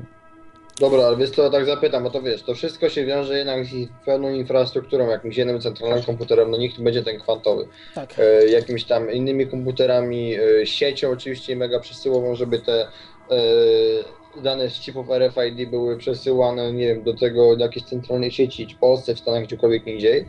No ale dobra, jak nie ma sieci, no to co? E, widzę, że w takim razie, jeżeli wszystko będzie tak scentralizowane elektronicznie, no to jakieś takie zadupia, nie wiem, Kamczatki, Ciukotki, kurna, Kołymy, yy, czy jeszcze gdzieś indziej, powiedzmy jakaś no, Bostwana albo jakaś tam Uganda. Mhm. Zresztą w Bostwanie to mówił ten i Janek Fior z Kamilem, że, on, że tam jest nawet już nie, niezła infrastruktura, ale no gdzieś indziej, powiedzmy Czad albo południe Libinie, yy, tam z kolei nie ma infrastruktury, tam jest jakieś, wiesz, psy dupami szczekają, no to tam będzie oaza wolności, bo infrastruktura RFID yy, nie będzie dochodzić i narodzi się coś nowego, prawda? Yy, Tak jak w Sex Missy, zupełnie, nie? Nie, zupełnie. To znaczy, być może będą mieli na pewno więcej wolności niż my, ale z, z drugiej strony yy, zauważ, że oni niewiele co produkują, prawda? Że wszystko cywilizacja, te rzeczy takie naj, naj, najwyższej yy, wagi, tak jak prymitywne plemiona. Oni na przykład haczyki, jakieś różne rzeczy dostają od naszej cywilizacji w zamian za, za złoto, czy jakieś paciorki, no, no nie wiem, za, za jakieś cenne rzeczy dla, dla nas, prawda? Z, ta, z tamtej dżungli. Yy, minerały, diamenty, bo też takie rzeczy, wiesz, oni mają różne ciekawe, prawda, wymieniają za haczyki, za jakieś rzeczy, wiesz, grosze warte dla nas, a wymieniają rzeczy dla nich nie aż tak warte, czyli jakieś kamienie szlachetne i tak dalej, i tak dalej. I tak samo będzie z nimi, że pomimo, że oni będą poza systemem, to będą musieli, wiesz, na zasadzie wymiany jakiejś z nami, bo nie będzie już generalnie y, dolarów, nie będzie tych, tych papierowych pieniędzy, więc będą musieli nam dawać jakieś cenne rzeczy za. Yy, no nie wiem, za, będzie barter taki z nimi. Za broń, na przykład broń im będziemy dostarczać jakieś inne rzeczy, że, żeby oni się tam wytłukli w końcu, a, a będą nam dawali złoto i, jakieś inne cenne dla nas rzeczy. Prawda? Mhm, czyli jakoś wykończymy ich przez to, że oni będą mali, my będziemy duzi. No znaczy, tak, tak rząd będzie jest. No, tak jest, no bo jeżeli jest wielka dysproporcja, oni nie potrafią wytworzyć komputera, prawda? Tam te cywilizacje takie oparte o, o, o wiesz, tam dzidy, dzidy czy jakieś, jakieś tam lepianki i tak dalej, no oni są na dużo, dużo niższym poziomie yy, technologicznym, poziomie nawet naukowym, intelektualnym. Yy, Nie mówię duchowym, bo często oni bardzo wyprzedzają naszą cywilizację. Nasza cywilizacja jest d- w tym momencie, uważam, na najniższym poziomie duchowym yy, w historii świata. Niemalże całego, bo uważam, że nawet małpoludy miały nie, na niewiele odbiegającym od nas poziomie były, także to A naprawdę... co znaczy poziom duchowy? Co to znowu za jakieś interpretacje niematerialistyczne w ogóle? Co to w ogóle No jest? ja, ja nie wyznaję materialistycznej. Ja wiesz, jestem musiałbym- materialistą dialektycznym, jestem marksistą i po prostu ja nie wiem, co to znaczy. Dobra, jesteś jakieś pust, pust, puste, puste Poczytaj, hasełka, tak, znaczy tak, tak, puste, puste hasełka, co- puste hasełka. Najgorzej, jak to- to przeżyjesz to- śmierć to- to- to- kliniczną i zobaczysz, co jest po drugiej stronie. E, Dobra, Co za różnica, ale, co, no, ale, co, no, ale o co chodzi z tym duchowym E, poziomem? No i co to, co to jest? Powiedz tak krótko, co to jest w ogóle tak konkretnie, no. poziom duchowy to, to jest to, co czyni nas y, istotami, które odróżniają się w jakiś tam sposób od zwierząt. wszystkie inne rzeczy generalnie możemy, bo nawet zwierzęta jakąś taką prymitywną cywilizację potrafią wytworzyć, bo y, na przykład że tak. y, matka uczy swoje dzieci, prawda, różnych, różnych rzeczy, które nie były genetyczne. Y, Jest, jest, to, y, jest to potwierdzone przez naukę. Więc jak, No. jakieś tam zac- zaczątki, oczywiście na prymitywnym poziomie, ale jednak są. Y, Duchowy natomiast rozwój ym, jest to, y, jest to związane z twoją świadomością tego. Nie tylko to kim ty pies jesteś. też ma świadomość, czy. No nie wiem, postawić Ma, były eksperymenty. ale jest na innym poziomie, wiesz, są, są teorie, że i kamień może mieć świadomość, prawda, czy woda. Ym, doświadczenia ma, ma- mas, Maseru Emoto, Masaru, przepraszam, Masaru Emoto, y, do, doświadczenia y, prze, przeprowadzał z wodą, że woda też na jakimś tam poziomie, wiesz, świadomość. Ale nie chcę się wgłębiać w te tematy. No Y. Natomiast mówię tutaj o, o, o duchowości, że nie jesteśmy po prostu ciałem fizycznym. Oprócz tego istnieje coś, coś poza tym. Coś, co nawet nauka nie potrafi dojść. Coś, co jest y, tak naprawdę czyni nas y, no, istotami duchowymi. Nie mówię, że zwierzęta nie mają, bo, bo tego nie wiem, ale, ale my możemy po prostu to stwierdzać już jako ludzie, doznawać różnych doznań mistycznych w każdej religii prawda? I nie możemy tego przekreślać. Nie możemy powiedzieć, że jesteśmy tylko kupią, kupą mięsa i, i wiesz, i y, ciało, które potem zamienia się, wiesz, w parę kości i, i, i popiół, prawda? Znaczy, ja uważam, że wszystko jest materialne, obiektywne, a nie ma rzeczy niepoznawalnych. Są jeszcze są po prostu rzeczy jeszcze niepoznane, które będą odkryte, O, widzisz. poznane za pomocą nauki i praktyki. Mhm. No ale to po prostu to jest tak, że nie ma rzeczy takich totalnych niepoznawalnych. No, No To ja jest, nie wiesz, wiem, ja wczoraj, nie wczoraj czytałem artykuł em, tego Józefa Stalina właśnie o tym, opowa- opowiadał właśnie, e, co mówi o tym Marx. I to jest prawda, no, jesteśmy zwyczajni, jesteśmy tak jak zwierzęta i nie ma co tu filozofować, bo nawet jak filozofujemy, to, to nic z tego nie zmienimy. I ja uważam w ogóle, e, że cały ten libertarianizm i wolnościowy to jest nic innego jak kolektywizm gatunkowy, ale to wynika po prostu z- to wynika z czynników technicznych, e, takich, że nie możemy się z innymi gatunkami dogadać, więc powiedzmy, no ludzie się dogadują między sobą, a potem to możemy dyskutować, jak ze zwierzętami się dogadujemy, a to jest naprawdę kolektywizm gatunkowy, ja przyjmuję to. No dobrze. Nie mo- no dobra, to teraz wracajmy do pieniędzy chyba, Tak, nie? wracamy do pieniędzy. Ja potem ci podeślę te linki właśnie do forum, na którym sobie poczytasz, może zrozumiesz właśnie mój punkt widzenia. Zresztą to nie jest tylko mój, ale miliardów ludzi, którzy stoją właśnie za tym punktem, że człowiek nie jest tylko mięsem. Dobra. E, Wracając, e, wracając do tematu pieniędzy. Tutaj może chciałem jeszcze tak na koniec e, powiedzieć, jak już jesteśmy przy tych spiskach, e, którzy też wyznają pewną teorię spiskową, projekty, które próbują rozwiązać jakoś ten problem w, inny zupełnie sposób niż tak, jak to robią, chcą zrobić libertarianie. Mówię tu o Venus Project czy The Zeitgeist Movement. E, Czy możesz właśnie coś o nich powiedzieć? Co, co o nich sądzisz? To są projekty, które chcą zlikwidować pieniądze, jak i własność e, prywatną. Tak, własność prywatną. No ostatnio bawię się, e, wchodzę na jakiś forum socjalistów czy gdzieś i się pytam, jak własność prywatną można, zin, można e, zlikwidować. No nie da się, to są takie utopijne projekty, tak jak nie wiem, kto tam był w Ameryce i zakładał komunę e, socjalistyczną, chyba Sa- San Simon albo Robert Owen. Chyba ten drugi. I to jest na zasadzie takiej, że będzie fajnie, bo będzie fajnie i, i nie, własność prywa- własności prywatnej nie można zlikwidować, bo własność prywatna to jest taka, to jest po prostu polega na tym, że ludzie zauważyli, że dobra są rzadkie. Czyli, że po, e, dóbr jest, e, nie, jest wystarczająco, nie, jest nie jest wystarczająco na tyle, aby, aby zaspokoić e, ludzkie potrzeby. Mało tego, niektóre potrzeby są sprzeczne, więc nie można zaspokoić wszystkich dokładnie tak jak chcą komuniści, czy to porówno, e, czy też każdemu według potrzeb. Oczywiście, no, komunizm, no fajna sprawa, fajny ideał, żeby każdy miał tyle, ile chce i tak dalej, ale to jest niewykonalne, ponieważ dobra są rzadkie. Jeżeli dobra są rzadkie, to zawsze ktoś musi rozporządzać danymi dobrami, prawda? Bo, no bo ktoś jednak, y, ktoś musi być wykluczony, czyjaś potrzeba musi być y, niezaspokojona. No tak, no i to, się, to mówią, wynika z rzadkości, tak. No w i tych to, projektach właśnie mówią, że, że, że to będą maszyny, wszystko robiły i że generalnie... Nie, y, nie to, to, to nie mam jeszcze osobli, jeżeli, jeżeli byłaby osobliwość technologiczna, czyli żeby Mhm. e, cywilizacja była już tworzona tylko i wyłącznie przez samą technikę, no to może by to, może by to dało radę. Póki co tego nie da rady. To są takie utopijne wizje, że e, science fiction e, y, i to się jeszcze kończy jakimś strasznym kataklizmem. Poza tym, co jest jeszcze sprawa? E, no sprawa taka właśnie, czyli własność prywatna będzie jednak. wbrew Równi pozorom równiejsi, równi równiejsi, prawda? Tak jest, równi równiejsi i płascy przede wszystkim. Chyba przez jedni Płascy, płascy, wszyscy będą płascy, a, a, a jeden będzie szczytował. To tak to zazwyczaj jest w tych utopijnych wizjach, którzy chcą ograniczyć własność prywatną. Eee, I przecież na tym się nawet cały ten e, komunizm, marksizm po- uwala, bo oni chcą też. Zlikwidujemy własność prywatną. No nie da się, no niestety nie da się. E, natomiast kwestia pieniądza. E, oni w ogóle pomijają projekt, e, problem kalkulacji ekonomicznej. Nie wiem, na, na stronie Misesa polskiej e, było, był omawiany ten Win- Windows Project, właśnie się tam o tym dowiedziałem. E, to jest po prostu taki e, czysty socjalizm, że wszystko jest wspólne, jakieś tam maszynki są, e, piękne zdjęcia i w ogóle gospodarka oparta na zasobach, no ale dobra, zasobami kto będzie rozporządzał? Jakiś człowiek, czyli znowu centralne planowanie. Przede wszystkim problem socjalizmu, pom- pomijając to, że jest utopijny, jeżeli chodzi o własność prywatną, to jest taki problem, że y, trudno jest w ogóle kalkulować ekonomicznie, trudno jest y, mm, trudno jest się wymieniać. No przecież powiedziałem jeszcze raz, po co był ten pieniądz, tak?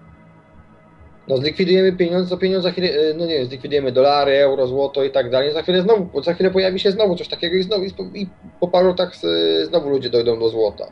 No bo będzie tak, że jeden będzie miał niezaspokojoną potrzebę, drugi też będzie miał zaspokojoną potrzebę i będą musieli się dogadać, no ale jednemu nie będzie pasowało e, to, co ten, ten drugi ma i odwrotnie, no to będą musieli do trzeciego, e, żeby, żeby pobrać jakiś produkt tylko po to, żeby się wymienić i ten trzeci, co zaoferuje, to ten produkt tego trzeciego, to będzie już pieniądz. I, na, i już się Venus Project załamuje, bo znowu ekonomia zaczyna się od nowa.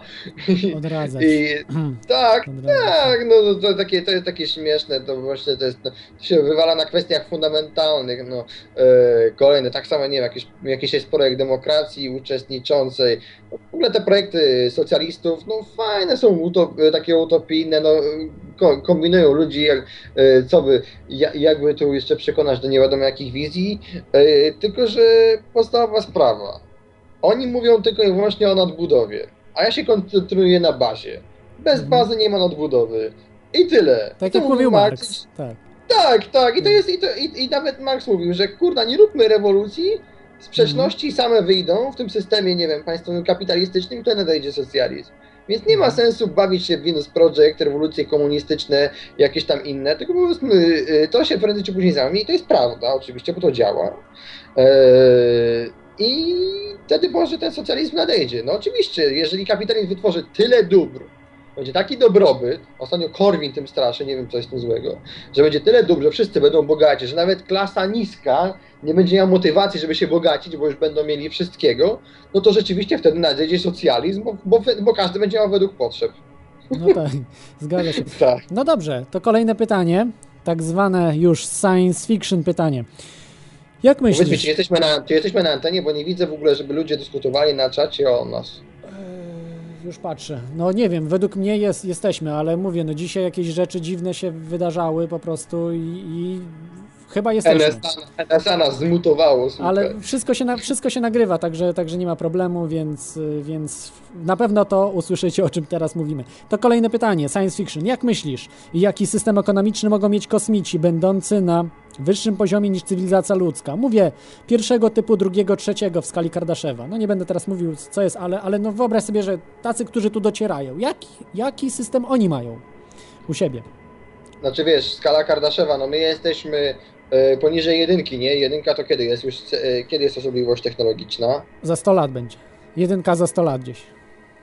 Jedynka za 100 lat. No wiesz, Tak. jeżeli jest osobliwość technologiczna, to już może być socjalizm, prawda? Bo wtedy technika wszystko wytwarza, a człowiek jest tylko konsumentem. Bo osobowość technologiczna to jest taka, że praktycznie człowiek już nie tworzy cywilizacji, nie, nie napędza jej, tylko, tylko technika sama siebie napędza. Pojawia się sztuczna inteligencja i yy, w tym momencie mamy tak, że roboty wszystko robią, komputery, a człowiek sobie tylko leży i kwiczy. To jest tak jak w tym y, filmie, nie leży i kwiczy, leży i jesz i jest fajnie, mówię. Tak jak w tym filmie, nie wiem, Wally. Aha. Myślałem jak Terminator, że no, leży i kwiczy w Terminatorze, była sztuczna Nie, ale na przykład nie oglądałeś Wally, że Ziemia jest cała w śmieciach i ludzie gdzieś tam wywalili do jakiejś innej galaktyki.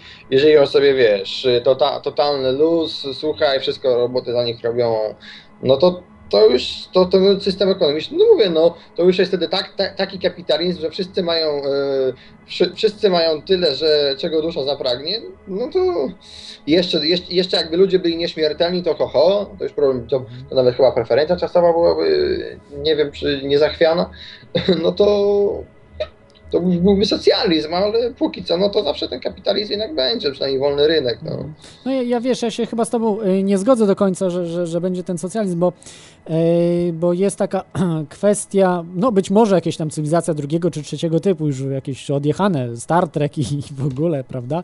Ale No. zawsze potrzeby będą, wiesz, ludzi większe, bo dzisiaj nie potrafimy sobie wyobrazić potrzeb przyszłych ludzi, nie?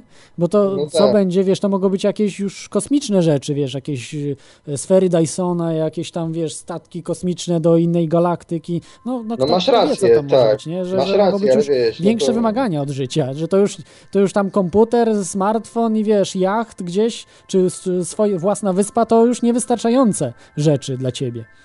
Kurde, wiesz co, no, wiesz co, ciekawym w ogóle projektem jest minimalizm, że i w drugą stronę, to jest inna sprawa. Wiesz, no to się tak wydaje, no 200 lat temu ludziom się wydawało, że kurna, chałupa i, i coś do żarcia i można żyć, i- żyć nie umierać, nie? A oczywiście, no i oczywiście piwko, jakieś, jakieś winko, piwko, cokolwiek, nie? I to wystarczy. Tak. No i co, i to się kręci wokół tego. Dzisiaj, dzisiaj No bez prądu ludzie nie potrafią żyć, prawda? Bez, bez prądu. No. To, to, to jest... No, że wiesz, no, to się wydaje, no generalnie, no, potrzeby wzrastają, do dzisiejsze gadżeciarstwo, no, nie wiem, jakieś te smartfony, laptopy, nie wiem, co jeszcze, książki, e, no to prawda, to prawda, no, ale e, czy to się pojawi, czy nie, czy u we, czy u wszystkich, jeżeli to się pojawi, no to hu, e, ten, technologiczna osobowość, czyli roboty mogą zapewniać realizację tych potrzeb Mhm. najbardziej.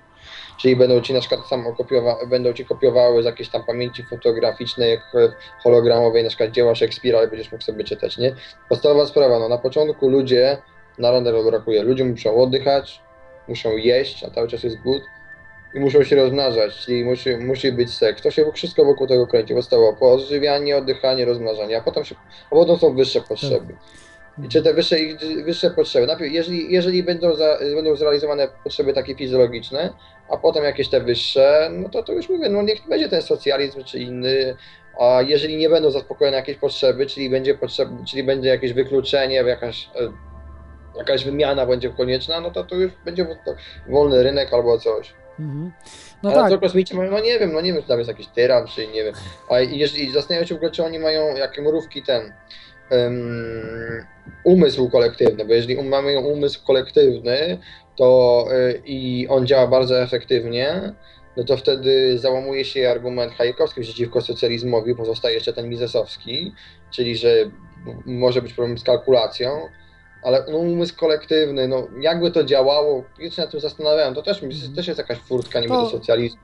Tak, to o tym po, pogadamy y, już kiedy indziej, bo to jest temat y, zupełnie inny. Ja tylko chciałem jeszcze dodać, y, mamy w tej chwili Oskara na antenie, ale póki, za chwilę Oskar, mm, Oskar zadasz pytanie, natomiast chciałem jeszcze powiedzieć, jak to jest z, z kosmitami, bo troszeczkę wiadomo o nich ze spisków. No mówię, to jest niepewna wiedza. Spiski to, to jest ni- nic pewnego, natomiast dużo, dużo przesłanek jednak za tym jest, że jest. Y, No, dosyć prawdopodobna. W każdym razie, że kosmici y, wymieniają się, tak jak z rządem Stanów Zjednoczonych, którzy uznali, że jednak jest hegemonem. Ten Rząd Stanów Zjednoczonych i, i też uk- ukryte różne siły ONZ-owskie, związane z NATO przede wszystkim, wymieniły się te technologicznie, dały jakieś tam prymitywne technologie nam, czyli ten, te nasze y, haczyki, prawda, które my dajemy prymitywnym jakimś tam plemionom, haczyki, prawda, jakieś lepsze ostrza do dzit i tak dalej, a oni y, zaklepali sobie pozwolenie na to, żeby nas porywać, ludzi w celu pobrania materiału genetycznego, jakichś testów, y, implantowania. No trudno powiedzieć jakich rzeczy, nie? Te, to, to jest po prostu poza naszą y, wiedzą, to jest ileś tysięcy, może milionów nawet lat do przodu oni są, są w stosunku do nas. Ale dobrze, to już na, na inny temat zostaje, czyli też się wymieniają, prawda? Jest coś za coś, prawda? Jakiś taki barter, no bo nasze pieniądze dla nich są nieistotne, prawda? Więc y, bardziej jakaś, y, czyli my dajemy pozwolenie, żeby tutaj sobie eksperymentowali na, na, na ludziach, a oni dają jakieś tam ubogie technologie, prawda, e, dla nas, na przykład nie, nitinol. Yy, o, halo? Halo, Jesteś halo? Oskarze? Dobrze, no to jeste, jesteśmy. Yy, chcesz pytanie zadać, czy ogólnie jakoś Do tematu. Chciałbym zwróć, zwrócić uwagę na je, jedną rzecz. Znaczy, mi się tak wydaje, może się mylę, ale jednak y, odnoszę takie wrażenie, że pomimo tego, że teoretycznie y, w ciągu iluś tam lat ludzie się wzbogacili, to tak naprawdę ten bilans jest y, jednak y, w miarę równy. Bo popatrzmy się na nawet, powiedzmy, może po, polskie społeczeństwo nie jest tak jakoś y, szczególnie dobrym przykładem, tutaj pewne perturbacje mamy majątkowe, ale jednak, ale myślę, że na zachodzie też to jest widoczne. Ogólnie rzecz biorąc, ludzie może dawniej nie mieli na przykład y, samochodów, komputerów, prądu, światła czy telewizji, ale y, jednak mieli dużo więcej na przykład ziemi. W tym momencie posiadanie ziemi jest y, bardzo, bardzo, bardzo, bardzo tak, taką powiedzmy no już prestiż można powiedzieć, czy no nie wiem jak to nazwać, to mało, mało, to już jest bogactwo jak się ma ziemię. Y, Jednak ludzie się wysprzedają tej ziemi po to, żeby mieć telewizor, samochód i tak dalej. Ci, co, ci co, co są biedniejsi powiedzmy w tych rzeczach, y, a mają jeszcze gdzieś tam y, pozostałości po, po, po przodkach, powiedzmy, właśnie jakieś posiadłości ziemskie, to się ich pozbywają. Nat, natomiast to, to, to jest jedno, natomiast jeszcze jest kwestia inna. Zobaczcie na to w ten sposób, że dawniej ludzie mieli zapasy. Tym momencie się zapasów na przykład żadnych nie gromadzi. Ludzie nie są zabezpieczeni w ogóle na y, przypadek, no nie wiem, wojny czy czegokolwiek. No, Y, tak jak ludzie w miastach, to no w zasadzie prądu braknie i, i, i w mieście y, i y, ktoś, kto mieszka w bloku na którymś tam piętrze, no to nawet wody w ubikacji nie spuści, bo, bo powiedzmy pompy nie będą działać. Y, I, i, no i w zasadzie życie y, z dnia na dzień staje się no, praktycznie rzecz biorąc niemożliwe. No, no niemożliwe, no, trzeba będzie uciekać po prostu z miasta. No i y, także, także te, to bogactwo jest takie bardzo il- iluzoryczne, mi się wydaje, i nierealne na, na, na, na, na, na dłuższą metę. To jest, tak, to jest takie wy, wygodnictwo, powiedzmy, to jest taka wygoda chwilowa, taka na, e, e, skuteczna w, w, w tym, a, a nie innym momencie, ale w, w ogólnym właśnie takim bilansie to jest e, to, to, to jest wręcz zbi- no, zbiednienie, zbiednienie. Ludzie byli bardziej samowystarczalni dawniej, mogli sobie radzić, byli zabezpieczeni na przyszłość, a w tym momencie tak nie jest. Także to, to jest wszystko też kwestia tego, co jest bogactwem, co, co, jest, co jest uznawane za jakieś tam dobro. Mm, No bo, no bo w zasadzie wiadomo, że też dobrem jest właśnie to bezpieczeństwo przyszłości i, mm, i, i jakieś posiadanie pewnego zabezpieczenia. No ja się, ja, się, ja się z tym nie zgodzę, a jak ty, Kołkmenie? Halo, Kołkmenie, jesteś? Jest. Jestem, jestem, ale no ciężko mi się w tym momencie tu wypowiedzieć. No, yy, No to ja może. To, to ja może. Dla, dlaczego się nie zgadzam? Yy, po pierwsze, dzi, dzisiaj żyjemy, zwykli ludzie, tacy, którzy zarabiają 1200 zł, prawda, miesięcznie, żyją tak, jak kiedyś żyli królowie. Na, No na tak. tym poziomie. No to... Ale nie jest źle, bo, i- bo, inny, bo kto inny ma lepiej, nie? y, po prostu, tylko że z drugiej strony nam y, państwo zabiera 90% tego, co moglibyśmy mieć, gdyby nie było y, ta, takich, pod, takiego obciążenia i pieniężnego, i podatkowego, i, i, i całego. Byśmy po prostu mieli dwa razy tyle niż mamy. Co najmniej. Według mnie. To znaczy ja, ja na przykład jak byłem w Irlandii tam 5 lat temu czy ileś, Halo? Co się stało, gdyby Halo. kosmici wprowadzi, chcieli wprowadzić nam swoją walutę. I rybie. jaka to była waluta? Y, jeszcze raz, jak możesz powtórzyć, bo wiesz, urwało pytanie. Co, co by się stało, jakby nam kosmici chcieli walutę wprowadzić i jaka to by była waluta? No, są teorie, że niektórzy właśnie chcą tą właśnie walutę y, zupełnie wirtualną, tak zwani reptilianie.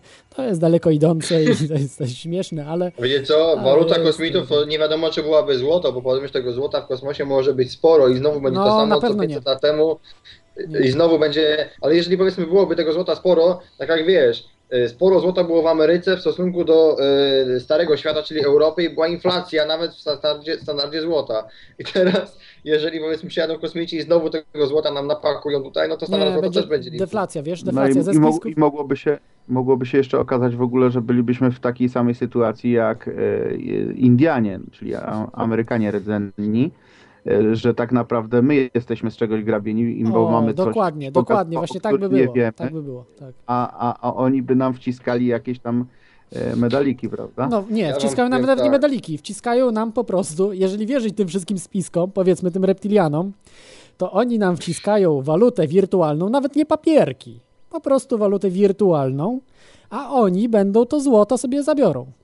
Bo potrzebują go tam do chronienia atmosfery swojej planety. Jakieś tam legendy krążą i tak dalej. Ale to Ja wiem, że śmieszne, ale po to właśnie to jest, że nam nawet A jak, a jak nie możemy dadzą. się temu przeciwstawić inaczej niż zatrudniając Bruce'a Willisa, y, Sylwestra Stallone, y, Chucka Norrisa i tego, i Schwarzeneggera? Nie ma innego wyjścia, trzeba ich zatrudnić. No, No, ale, to, ale to tak troszkę jak, jak z tym długiem publicznym naszym, który w zasadzie te pieniądze, które nam pożyczają, to one są takie właśnie trochę wirtualne, a, a jednak e, całkiem realne będzie trzeba oddawać, no nie? Weź, Klot, puść jakiś dżingiel, proszę. No dobrze, to zrobimy małą przerwę. Halo? Mm, Tak, szczęść Boże wszystkim kontestatorom. No, działo się dużo w tym tygodniu. Posłuchałem trochę tego radia, kontestacja i może pierwsze nasze opinie na temat tego medium były zbyt pochopne. Y, Widać, że jest tam także bardzo wielu takich, którzy myślą po katolicku i po polsku, y, myślą ojczyzną.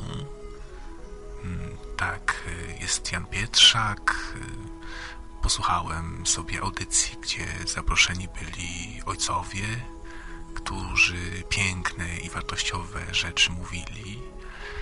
No i oczywiście od razu pojawiły się wściekłe, ordynarne ataki.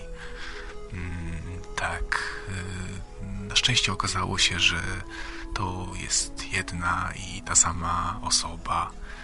Mm, Tak, no właśnie, ten cały krawiec. Tak, to jest wszystko grubymi nićmi szyte. Nikt tego człowieka nie zna, nikt go nie widział, nie wiadomo jak się nazywa. Tak, niby na pierwszy rzut oka sprawia on wrażenie lekko opóźnionego. Zadzwoni, zabełkocze coś, ale to może być tylko taka taktyka. Mm, Tak, ja nie chcę tutaj nic mówić, ale to może być człowiek nasłany przez kogoś, przez pewne siły. Mm, Tak, y, niektórzy ludzie lubią się pośmiać z takiego błazna. Zdobędzie sobie zaufanie części słuchaczy, a potem w odpowiedniej chwili uderzy, zacznie psuć, dzielić. Tak. y, Podobnie ten jego kolega Cloud, Klut, czy tam Glut, przepraszam, nie pamiętam dokładnie, to już się w ogóle ociera o szatanizm. To właśnie o to chodzi, aby wprowadzić chaos w głowach.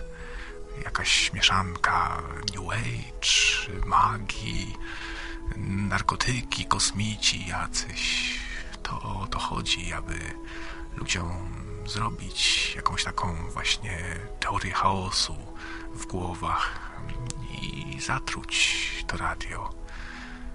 Tak, może ci ludzie są po prostu w zmowie, ale na szczęście w kontestacji są także porządni, mądrzy ludzie znający historię, którzy budują kontestację na skalę i robią obławę na takich jak ci, co atakują i niszczą. Oni powinni być kompasem dla innych, y, a nie tam jacyś narkomani z kosmosu. Tak, y, myślę, że rodzina Radio Maryja, która już nieraz wspomagała darem serca kontest dzieła, nie zapomni o tym radio. Mm, Tak, y, ja tylko tyle chciałem powiedzieć.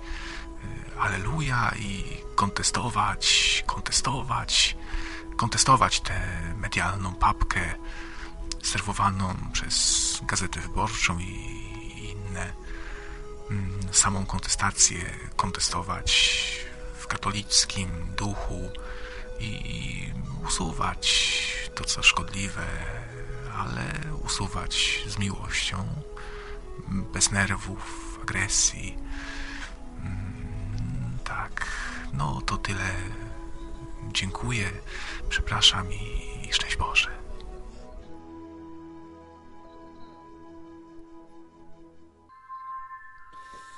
E, Jesteśmy z powrotem.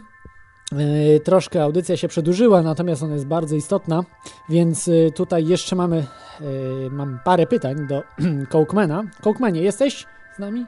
Jestem, jestem, jeszcze O. nie śpię. Wspaniale.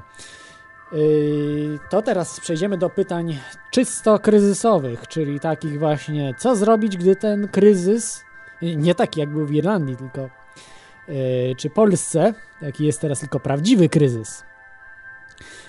I tutaj do ciebie pytanie, Kochmenie. Czy czeka nas w najbliższych latach kryzys finansowych lub co gorsza, kompletne załamanie się walut, dolara, euro, a może i złotówki? Mm, to znaczy tak, to jest cały czas mi się wydaje kwestia otwarta.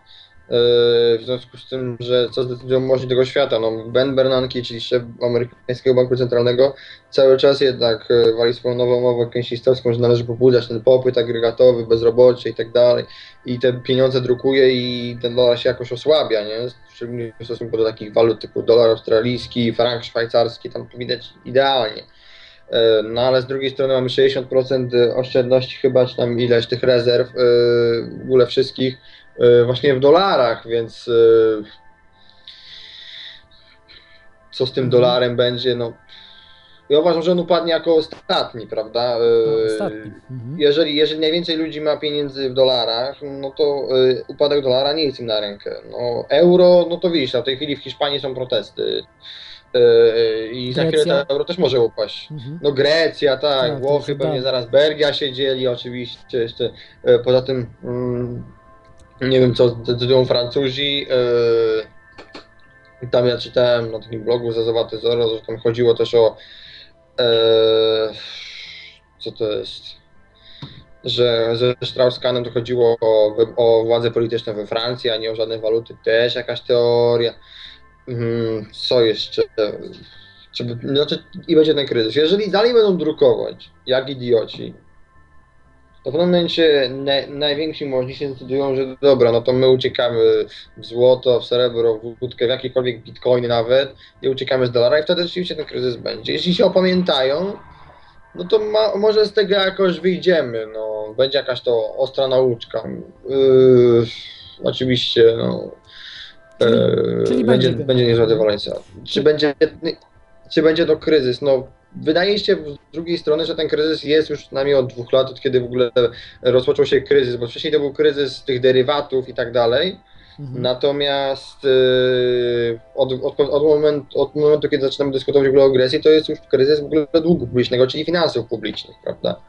No to ten kryzys już jest, yy, że są te długi, nie ma jak tego spłacić, nie ma jak, nie ma jak wyjść z tego, nie ma jak wyjść z tej spirali zadłużenia tam, czy emerytalnej, czy jakiejś tam fiskalnej i tak dalej. Yy, więc Grecja, yy, za chwilę teraz Hiszpania, parę innych, no Stany pewnie też to czeka, bo Stany będą, mieli, będą miały problem, żeby zwiększyć swój dług, a republikanie nie pójdą na zwiększenie długu. E, To co, to trzeba będzie dalej drukować te pieniądze. Ale czy będzie światowa hiperinflacja? No jest to jakaś opcja. No. Ja uważam, że mimo wszystko dolar upadnie jako ostatni, więc jak będzie światowa hiperinflacja dolara, to automatycznie pewnie też euro, y, złotówek. Nie wiem, co się będzie działo z juanem, Yy, Czyli chińską walutą, oni- tak? Chińską. tak, chińską, Mhm. chińską. Yy, bo, mm, bo ona jest troszeczkę uwolniona, nie? Więc to zależy od poszczególnych polityki banków centralnych, no. Trudno to powiedzieć. No najgorsza opcja byłaby taka, że wszystkie waluty e, robią, mają hiperinflację na całym, na całym świecie, czyli praktycznie money dies everywhere. E, Do, I co wtedy zrobić? No jak się przed tym zabezpieczyć? Bo jeżeli tego by nie było, to zawsze będzie jakaś waluta stabilna, tak? I wtedy do tej waluty ludzie uciekną. Ta, to, to, ta waluta będzie rezerwowa. Czyli powiedzmy, nie wiem, no...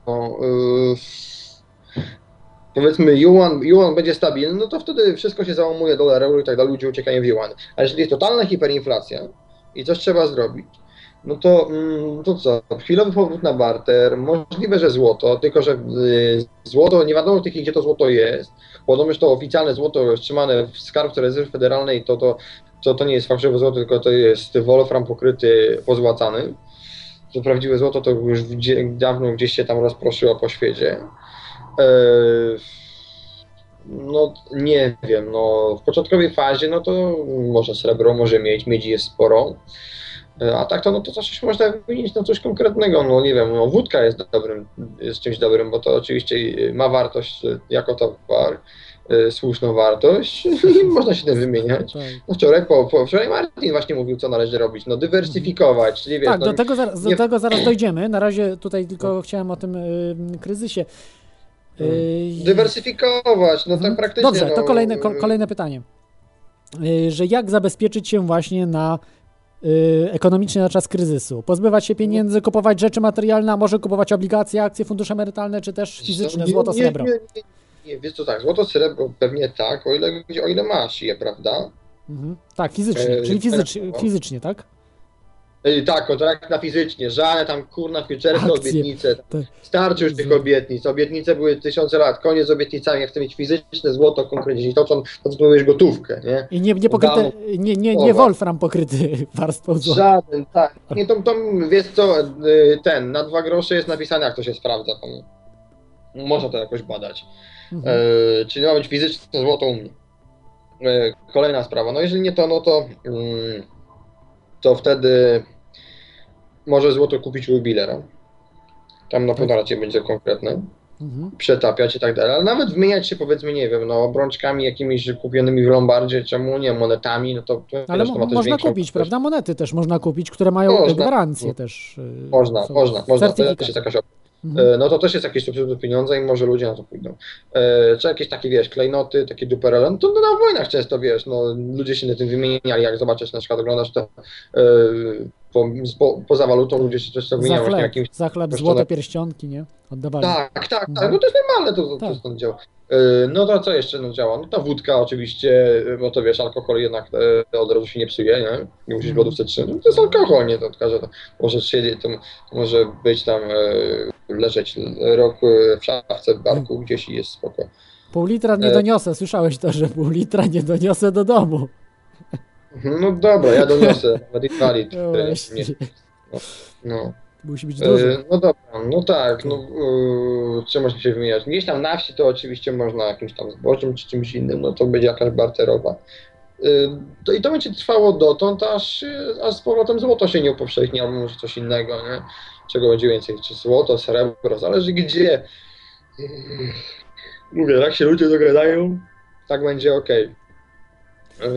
Natomiast żadne, obli- żadnych obietnic, żadnych fiducjarnych, jak będzie kryzys, to kryzysy biorą się chociażby z tego, że jest kryzys zaufania. No to kryzysy dotyczy rynków finansowych, czy to, finans, czy to finansów takich e, czysto takich korporacyjnych, jak to jest w giełdzie, czy to jakieś tam państw, państwowo-korporacyjnych, jak to jest na przykład w budżecie państwa, w podatkach, nie wiem, w obietnicach wyborczych. Żadnych obietnic, starczy już tej wiary, duchowości i tak dalej. Ma być fizycznie, materialnie złoto u mnie, e, czy wódka u mnie ma stać, leżeć i, i, i to będzie prawdziwa wartość i tak, takie jest zabezpieczenie. Dobrze, i tu jeszcze tylko takie e, pytanie, e, czyli żadnych obietnic, żadnych obligacji, pieniędzy, tych papierowych i tak dalej, ale akcje na przykład. Czy akcje mogą być sensowne?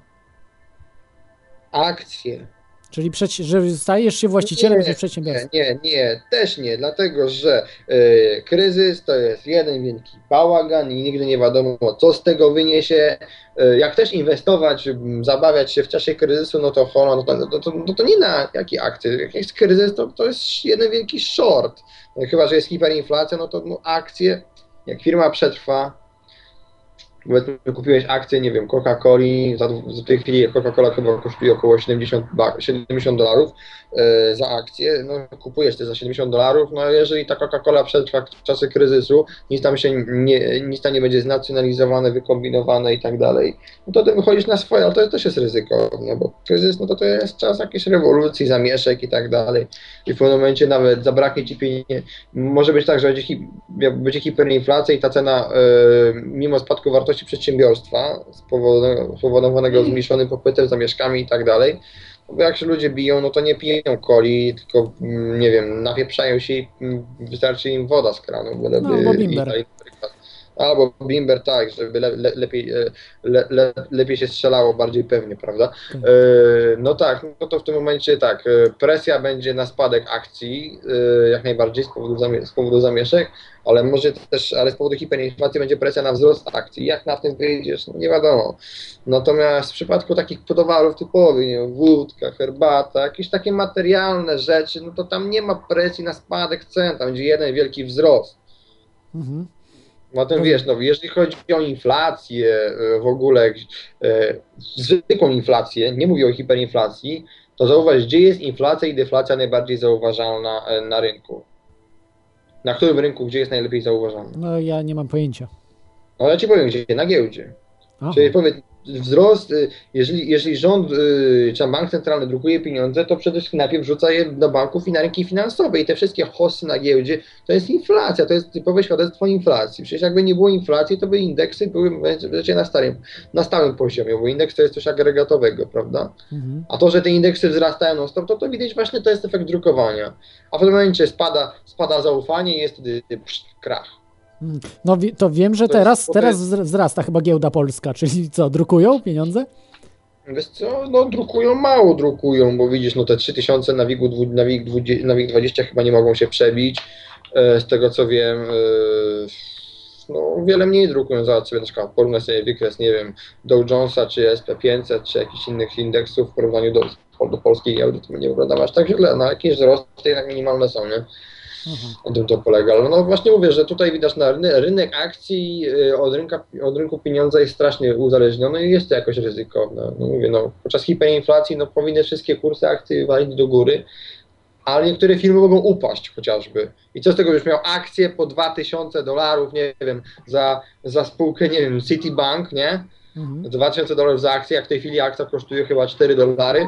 Jak za chwilę bank nagle ci może upaść w pewnym momencie i, no i co ci po takim majątku?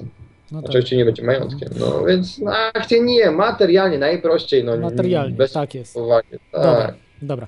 Y, Kolej, kolejne pytanie, bardzo istotne. Y, Gdzie najlepiej przechowywać cenne dla nas rzeczy? Kosztowności, złoto, pieniądze w czasie dużego kryzysu właśnie, takiego, który nam chodzi, nie takiego dzisiaj, tylko takiego, wiesz, porządnego w banku, Gdzie? w domu, Szaf, gdzieś zakopać.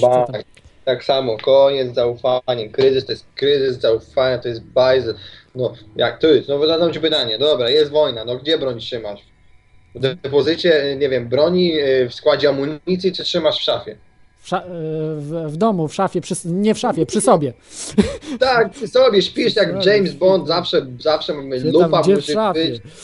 Tak, lufa ma być i w ogóle, e, wiesz, przy, przy pasie i już. No, bo jak jest wojna, no to trzeba czuwać. Więc to masz odpowiedź na pytanie, trzymasz broń przy sobie, kasę trzymasz przy sobie, no bo takie, no bo, no bo to jest kryzys, wojna jest, bałagan jest, no, no zupełnie inaczej jest niż jak jest normalnie, no to jest taki su- ekonomiczny survival, nie? Tak. No to jest, to, jest, to jest bardzo istotna sprawa wbrew pozorom, bo jak już mówiłem, prawda, że ekonomia, pieniądze są najistotniejszą sprawą. Bo tam broni czy coś, to jak mamy pieniądze, to możemy sobie wolność kupić, zawsze. Natomiast jak mamy pieniądze w sensie towaru, prawda, bo, bo nie chodzi mi, że będę miał dolary czy tam euro, które będą nic nie warte, prawda, w piecu napalić. Będę mógł sobie nimi, ale jak będę miał y, w towarach, prawda, złoto, srebro, y, nie wiem, kosztowności, jakieś żywność, y, wódkę, prawda, bimber, no to wtedy tak, to, to, to, to jest dużo warte wtedy, prawda? No mówię ci, że baza jest najważniejsza, to są siły wytwórcze, stosunki produkcji, czyli kasa, kasa, kto co ma, kto ile ma, Towary, jak ma, dlaczego. To jest baza, a to, to, a to co nad tym jest, no to już mówię, jakaś nadbudowa, no to już jak to chcesz. to Narzędzia i te inne sprawy potem są, bo zawsze To możemy jest- nawet w czasie kryzysu kupić Baza. różne rzeczy, tylko trzeba mieć tą bazę finansową, prawda? Tak, no masz Mhm. kasę, no to, no to masz, masz władzę i de facto, no i, daj, i a jak masz władzę, to jesteś wolny, bo wolność i, wła, włas, wolność i władza to to samo praktycznie. Tak. Y, Dobrze. Y, Dzwońcie jeszcze, jest ostatni, ostatni taki dzwonek, żebyście dzwonili y, 222 195 321, żeby jeszcze troszeczkę pomęczyć Coke-mana, bo troszkę już jest zmęczony, więc go będzie łatwiej pomęczyć. Y, Na razie nie widzę żadnych telefonów, chyba ludzie już pospali, troszkę się zmęczyli Jak audycją. Wołter, jakiś ten Niesiełowski coś kombinuje, nie wiem kto jest Niesiełowski. Też nie, ale powiem Ci, że na czacie o tej porze y, nigdy nie było tyle osób. Co prawda... No, Bajtiter, jest fajnie, że jest, Pawcio, ostatnio tam się czepia, że Pozdrawiamy wszystkich, biega. którzy na czacie i słuchają na żywo. Y, y, Oczywiście także tych, którzy słuchają już potem offline. Y, Ta wiedza może Wam uratować w przyszłości życie, którą dzisiaj y, zdobyliście. A ja mam do Ciebie jeszcze takie ostatnie pytanie, przedostatnie No. pytanie.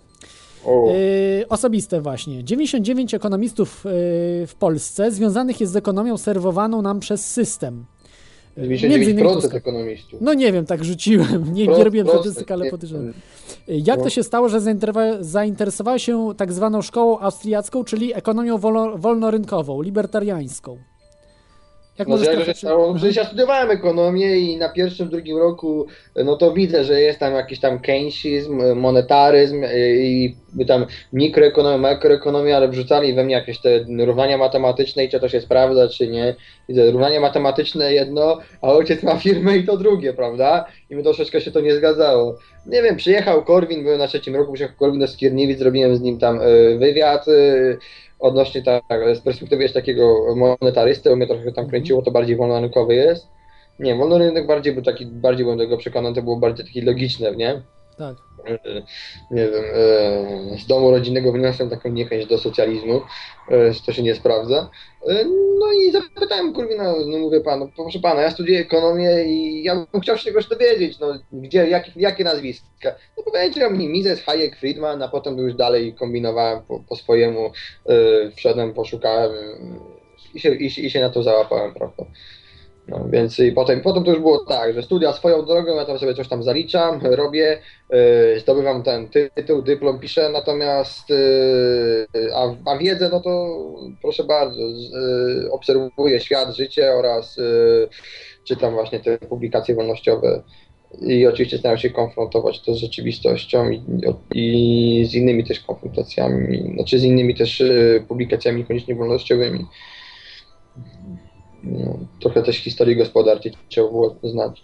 Na przykład jest fajna książka, znaczy nie, o książkę to na końcu powiemy. tak, to, o, to jest właśnie kolejne pytanie. Widzę, że tutaj często goście właśnie łapią e, w teorii chaosu mm, telepatię, która będzie po następcą internetu, ale to już też innym Czyli to razem. prostu powiem. mówię, no, że Kor Korwin podał mi nazwiska i dzięki temu panu troszeczkę tam e, Tak. podchwyciłem, no to... Dobrze, to temu- powiedz, powiedz o książkach, powiedzmy o książkach. Ja może, może ja, może ja tutaj, bo dwie przeczytałem, jedną nie do końca, bo była za trudna. Yy, to z, zacznę od łatwiejszej. Złoto, banki, ludzie, krótka historia pieniądza. Z nich właśnie do audycji też dużo czerpałem. Bardzo, bardzo dobra książka, Mur- Mur- Murraya Rothbarda. Polecam wszystkim, można do, do kupić y, u y, y, Jana Fiora. Tutaj audycję ma w środy, znacie go doskonale. W jego czy w jakiejś innej księgarni. Druga książka Tajniki Bankowości. Właśnie o tym wszystkim, Tak. żeby zrozumieć bank, bankowość centralną. Wszystko jest wyjaśnione, ja nie zrozumiałem jej do końca. Yy, Maryja Rothbarda książka, wolę kryptografię, jest dużo prostsza niż ta książka dla mnie, ale dla kogoś może być prostsza akurat ta książka ekonomiczna. Jak chcecie zrozumieć ekonomię, to tajniki bankowości, jak chcecie zrozumieć pieniądze, złotobanki, ludzie, krótka historia pieniądza. O, ob, obie Rothbarda, geni, geniusza, geniusza ekonomicznego. Dobrze, teraz ty może jakieś masz do polecenia książki. Dobrze, ja powiem tak. No nie to, że ja odbieram klientów Fiorowi, natomiast ja jestem, ja uważam, że po prostu jak można mieć coś za 0 zł, to można mieć za 0 zł. Yy, a, nie, a, nie, a nie dawać tam Jankowi. Janka, Janka można sponsorować oczywiście, natomiast krótko, tu jest link, yy, trzeba go podać. Jest na, na mizes.pl yy, książka Rothbarda praktycznie do wydrukowania. Czytamy 70, 70 yy, stron do przeczytania, Yy, bardzo prosta mogę- książka, ja mogę coś przeczytałem w powiedzieć? Mogę coś powiedzieć? Y, tu nie chodzi nawet, że coś za darmo można. Jak ktoś chce, to, to okej. Y, Tak, ale, ale, ale uważam, chce niech ja bym kupił książkę. Wiesz dlaczego? Weź sobie wydrukuj taką książkę. Masz jakieś wydruki, jakieś, jakieś szmaty takie, wiesz, o takie kartki gdzieś tam latają. Ja wolę mieć książkę taką, wiesz, normalnie, ładnie Bindujesz, wydaną. bindujesz. Ja mam mnóstwo książek Ach, tam e, bindowane, ja już wyszedłem z tego, wiesz, stać mnie na książki, więc kupuję normalne. Y, Polecam wam, żeby kupić, jak was stać, jak was nie stać, no to róbcie, co uważacie. A jak Dobra. was stać, to kupcie, macie książkę wtedy na półce, możecie się pochwalić znajomym, pożyczyć komuś y, do przeczytania, Y, polecam wam, bo to naprawdę świetną robotę robi Jan Fior z tymi książkami, ja generalnie właśnie Tak, tak, zdobywałem tak. To wiedzę. z jego to książek mnóstwo czytałem, znaczy nie jego, tylko jego Fenomenalna. Zresztą praca. jego, dwie, jego trzy książki też czytałem. Dobra, Natomiast dobra, już, tak. już nie przerywam ci, dobra. To, to No dobra, jak się książka, no tak. Tajniki bankowości, no to tam jest właśnie troszeczkę coś w ogóle o problemach bankowości, jak działa bank, jak działa bankowość e, depozytowa, kredytowa, w ogóle e, na czym polega bank. E, Tam ekonomii głównie nie ma, tam jest e, no, tylko właśnie o rynku pieniężnym, o bankowości. E, I jak ktoś rozumie taką księgowość prostą, tam łatwo wyjaśnione, no to też. I, i potem jest fajny, fajny rozdział jest o historii gospodarczej i bankowości w Stanach Zjednoczonych jak ta rezerwa federalna się tworzyła, co tam było wcześniej, tam wcześniej też były banki centralne i e, jeden prezydent tam, tam e, zaorał bank centralny, potem znowu bank centralny, drugi prezydent to zaorał. E, No to tak, to to jeszcze jest jeszcze ciekawsze. Jak ktoś chce jeszcze głębiej wejść w temat, to jest książka Jezusa Huerta de Soto, Pieniądz, kredyt bankowy i cykle koniunkturalne, no to tam jest też jeszcze szerzej powiedziane, to jest w ogóle też jeszcze o cyklu koniunkturalnym, to jest w ogóle o problemach ekonomii związanych z pieniądzem. Jest jeszcze o cyklu koniunkturalnym, o tym, gdzie się monetaryści i keynesiści gubią, o prawie bankowym, e, jak to wyglądało na w innych systemach prawnych, na przykład w Rzymie, e, w Bizancjum, nie wiem, u tych modyceuszy, e, jak, jak działał Bank Anglii, Bank Amsterdamski, parę innych banków, w jaki sposób ta rezerwa cząstkowa się tworzyła, i potem jakiś plan naprawy, żeby wrócić do jakiejś starej rezerwy, no to to mi tam nie do końca mi się podoba. E, No ale to jest już taka książka stricte naukowa, bardzo, bardzo poważna, no chyba lepszej na, ten, na, na, na o tym nie mam, jeżeli, jeżeli mówię o e, hmm, problemach właśnie inflacji, bankowości, pieniądza i tak dalej. No, e, ogólnych, o, o książki o, dla ekonomii co by tu powiedzieć, no ludzkie działanie, no to to jest inna bajka, to jest ogólna teoria ekonomii, tam jest za dużo też trochę filozofii niepotrzebnej. Yy, prosta książka Maria Rothbarda, Ekonomia wolnego rynku, trzytomowa plus Władza i rynek, taki suplement. To ma, to są trzy książki razem, to ma chyba tam 1500 stron, to się bardzo łatwo czyta, spoko książka jest. Yy, to jeżeli już kogoś interesuje ekonomia w ogóle, a nie tylko yy, rynek pieniężny. Natomiast tutaj Martin y, mówi, że when money dies, o inflacji y, y, w Niemczech 1923. To znaczy tak, no muszę poczytać co to za książeczka jest, natomiast jest książeczka Henry'ego Hatzlita pod tytułem Inflacja w ruch publiczny numer jeden. No, nie wiem, czy to czasami też nie FIR wydawał. Tak, chyba, I tam chyba też tak, jest pro... tak, no to jest taka fajna książeczka, po prostu co to jest inflacja, jakieś tam dane, jak to, jak to, jak to się ma do rzeczy i, e, i, problem właśnie Niemiec 1923 też jest tam omówiony. E, no to jeżeli ktoś nie ma tego One Money Dust, to jest po prostu książka naukowa Henry'ego Hatlita, no Hatlit to też właśnie przyjaciel Rand, Misesa, latach 40., bardzo dobry e, wolnorynkowy ekonomista. On chyba jeszcze napisał coś takiego jak ekonomia w jednej lekcji, ja tego nie czytałem, wstęp do ekonomii. Natomiast właśnie jest książka Inflacja, wróg publiczny numer jeden. No to to jest książeczka warta do przeczytania, jeśli właśnie kogoś interesuje e, ten temat. E, Natomiast, i teraz jeszcze coś w ogóle nie ekonomicznego, ale same historie gospodarcze. Super książka, chyba najlepsza, jaką mi się, e, jaką czytałem, znaczy najlepiej mi się to czytało, żadne tam Misesy, Rothbardy, Randy i tak dalej, tylko, tylko po prostu czysta historia gospodarcza. E, Książka Petera Bernsteina, e, Historia złota, dzieje obsesji, jak, jak, ten standard złota się w ogóle kształtował, kto to w ogóle wymyślił za starożytności, no kawał historii praktycznie monetarnej. Można się dowiedzieć na przykład o, e, troszeczkę o Isaacu Newtonie, e, nie w kontekście jego teorii grawitacji i prawa powszechnego ciążenia.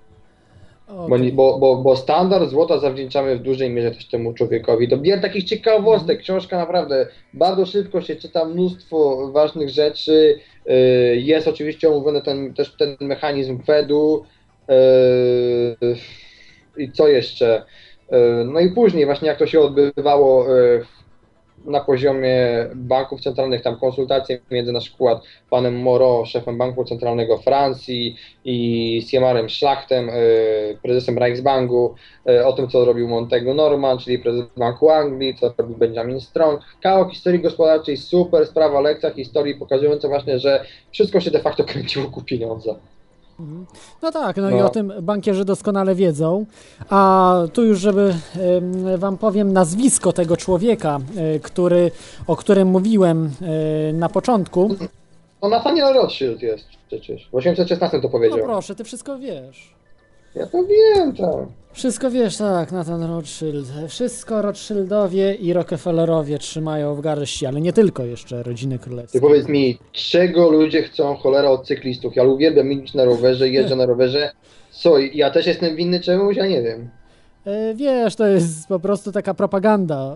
Ym, y, Ja powiem tak. Poputniczków, czyli y, tych takich pożytecznych idiotów jest więcej niż tych teoretyków y, spisku, czy ludzi, którzy badają to przez całe swoje życie. Ja nie mówię, że ja badam. Ja po prostu korzystam z wiedzy ludzi, którzy całe życie poświęcili y, tym różnym spiskom i, i doszli do takich przerażających y, y, wyników na przykład. O, o, o tym, co Jordan Maxwell mówi, nie? O, tak, tak, tak wiele jest tego, tylko trzeba znać angielski po pierwsze. Dobrze, ale ja, ja rozumiem, tylko tak, no Żydzi okej, bo to Rockefellerowie i Rothschildowie i jakieś tam Morganowie to byli rodziny żydowskie. To ty powiedziałeś. Ma- To ja nic nie mówię takiego. To jest, y, wiesz, będzie to i tamto i Krajowa Rada zaraz nas zamknie. Proszę. Ale jak chcesz, to mów, Jak- proszę, mów, mów, tam, mów. co mi tam zamknie? No. E, Przecież to my, my, my, my po nią nie podlegamy. Teraz. Natomiast kolejna sprawa. E, e, potem co? No to co w tym złego? No zaraz, no ogarnęli, mieli interes, zrobili coś konkretnie. Nie, no. ja ich trochę podziwiam, bo po prostu, wiesz... Tak, y, żeby się zorganizować, no co tego? No, Lud, no, tępy lud po prostu wyrolowali. No, no, No. ale wiesz, to nie tak, jest... no, był głupi też.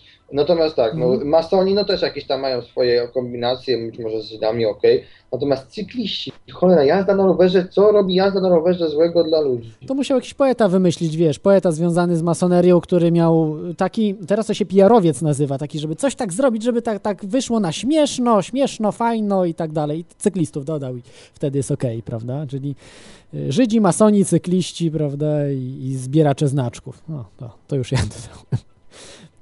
Aha.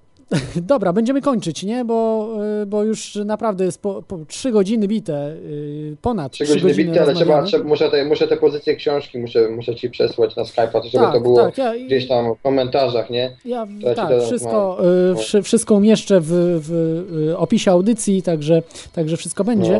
No. Y, Dziękuję Ci bardzo, Kołkmenie, że się zgodziłeś, bo Twoja wiedza jest fenomenalna w tym temacie i myślę, że y, rozwałkowaliśmy temat Bitcoina. Na pewno nie wszystko, bo ja się tym zajmę tematem, bo to jest dla mnie bardzo istotna sprawa, jest najważniejszą sprawą, ważniejsza niż UFO, niż Free Energy, bo najpierw są pieniądze, a dopiero potem y, jest Free Energy, a jeszcze potem UFO, które jest Czyli najbardziej najpierw odległe. baza, potem nadbudowa. Tak jest, dokładnie. Trzeba z marksizmu brać to, co jest dobre, bo nie wszystko y, głupie, co wymyślał Marks, to jest nieprawda. Y, było dużo mądrych rzeczy, które, które Podobnie nie wymyślił. wszystko mądre, co mówi Korwin, nie? No oczywiście, to, to, jest, to trzeba znać po prostu złoty środek i wiedzieć, y, gdzie leży prawda, a gdzie kłamstwo. Dobrze, dziękuję Ci. Chciałbyś jeszcze coś powiedzieć słuchaczom? No co ja chciałbym powiedzieć? No nie wiem, no y, dziękuję w ogóle, żebyście mnie wysłuchali. Y, może się będę częściej pojawiał, nie wiem, czy u Grzesia Ciesielskiego w konfesjonale, czy nie, bo tam swego czasu bywałem. Yy, ale bo ty, ktoś mi pytał, jak Radio Żelaza czy podatki, no Radio Żelaza może coś nagram, nie wiem, na razie nie mam chyba tematu. Jak w ogóle wy chcecie coś nagrać, macie pomysł, coś fajnego, takiego libertariańskiego, to nagrajcie, wyślijcie mi czy Kelthuzowi y, jakim, jak, y, jakimś kanałem i wtedy to pójdzie, nie? Yy, Natomiast w podatkach też muszę, muszę znajdę trochę czasu, bo ostatnio trochę nie mam. Wolę się udzielać, no właśnie tak tutaj przyjście, jakieś spotkania, yy, pójść i ogarnąć. No to yy, zrobię tą drugą audycję o podatkach i pewnie ukaże się to na Radiu Żelaza, że jakiś link pójdzie. Natomiast książki za chwilę wyślę yy, do Kloda. yy, Dobrze, dobrze, z książkami książ- tak, które, które, które wymieniłem i polecam posłuchać.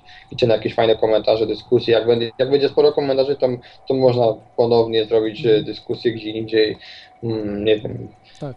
Jak, będzie, jak, będzie, jak, będzie, jak będzie masa komentarzy, to nie wiem, to może nawet e, poprosimy Hugo Martina, żeby z- o 22.30 e, e, reaktywować Contest Coke na 2-3 tygodnie, nie?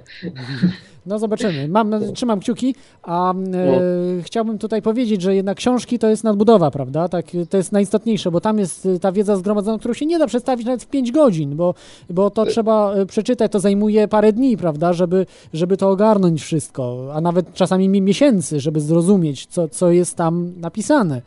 E, I to jest ta nadbudowa, która jest najistotniejsza. Tutaj możemy tylko Wam pokazać kierunki, w których... interpretacja, nadbudowa, to są już, to jest już kultura, prawo i tak dalej. To, co ty mówisz, to jest po prostu zwykła interpretacja. I to, tak, to jest, ale mówię o książkach jako bazie, prawda, żeby książka jednak daje ci jakieś podstawy, bo są opisane zjawiska i tak dalej, no to jest to ce- cenne. Aha. No, także dziękuję ci bardzo.